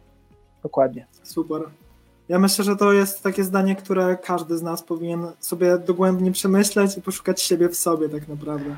Tak, to, tak, to, to może brzmieć, brzmieć tak bardzo, e, nie wiem, prosto, albo nie wiem, Paulo Coelho, jeśli niektórzy to lubią tak do tego porównywać, ale naprawdę to, to jest głębokie i, i tutaj jeśli naprawdę odnajdziesz to coś, to uwierz mi, że naprawdę życie staje się łatwiejsze, jakiekolwiek trudności nie stają się trudnościami, a tylko doświadczeniem, doświadczeniem po prostu, więc to jest naprawdę, mi to pomaga w życiu i widzę, że zawodnikom i ludziom, z którymi pracuję też to pomaga, bycie takim odnajdywania radości, bycia sobą, a nie, a nie bycia kimś po prostu, e, chociaż do tego się trochę dąży i tak działa nasze społeczeństwo, że trzeba być kimś, trzeba coś tam, coś tam, ale to chodzi o to, żeby odnaleźć w sobie ten potencjał, tą taką yy, ten pierwiastek taki boski, to, ten pierwiastek takiej swojej własnej osobowości, tożsamości, tożsamości, przede wszystkim to jest kluczowe słowo tożsamość.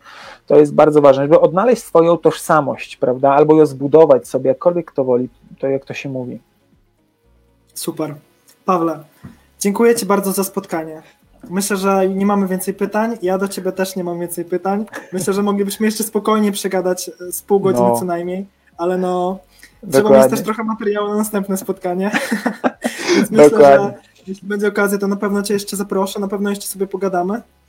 Super, Ale na dzisiaj, na dzisiaj na pewno kończymy już, więc dziękuję Dokładnie. Ci jeszcze raz. Dziękujemy tak, naszym że... widzom.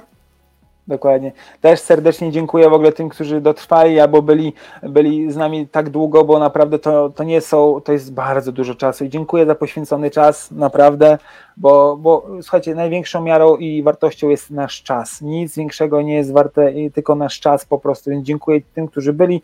Dziękuję Marcin Tobie, że tak fajnie poprowadziłeś to spotkanie, gdzie e, rozmawialiśmy na początku, miałeś pewne może obawy, ale widzę, że naprawdę wczułeś się fajnie i, i naprawdę według mnie płynnie, fajnie to poprowadzili, więc Tobie też gratuluję serdecznie za prowadzenie tego, e, tego, tego projektu i tego wywiadu. Naprawdę bardzo fajnie. Szapoba. Dziękuję. E, to a, Ania pisze, że było super. Dzięki Jeszcze Ania. Ci pokażę. O, no, ten banner jest idealnym podsumowaniem, było super. Dziękuję Ania, że tak napisałaś. Tak, dokładnie. W takim razie my się żegnamy z naszymi widzami. E, no i, no i tyle. Miłego wieczoru i vice versa. Także serdecznie jeszcze raz Wam wszystkim dziękuję. Jak macie tam jakieś pytania, to e, śmiało piszcie. E, spójrzcie na moje social media, tam, tam też sporo rzeczy udostępniam i, i warto myślę, że bo ja daję takie właśnie ciekawe zagwozdki, więc myślę, że takie zagwozdki dostaniecie ode mnie. Więc trzymajcie się, niech mental będzie z Wami.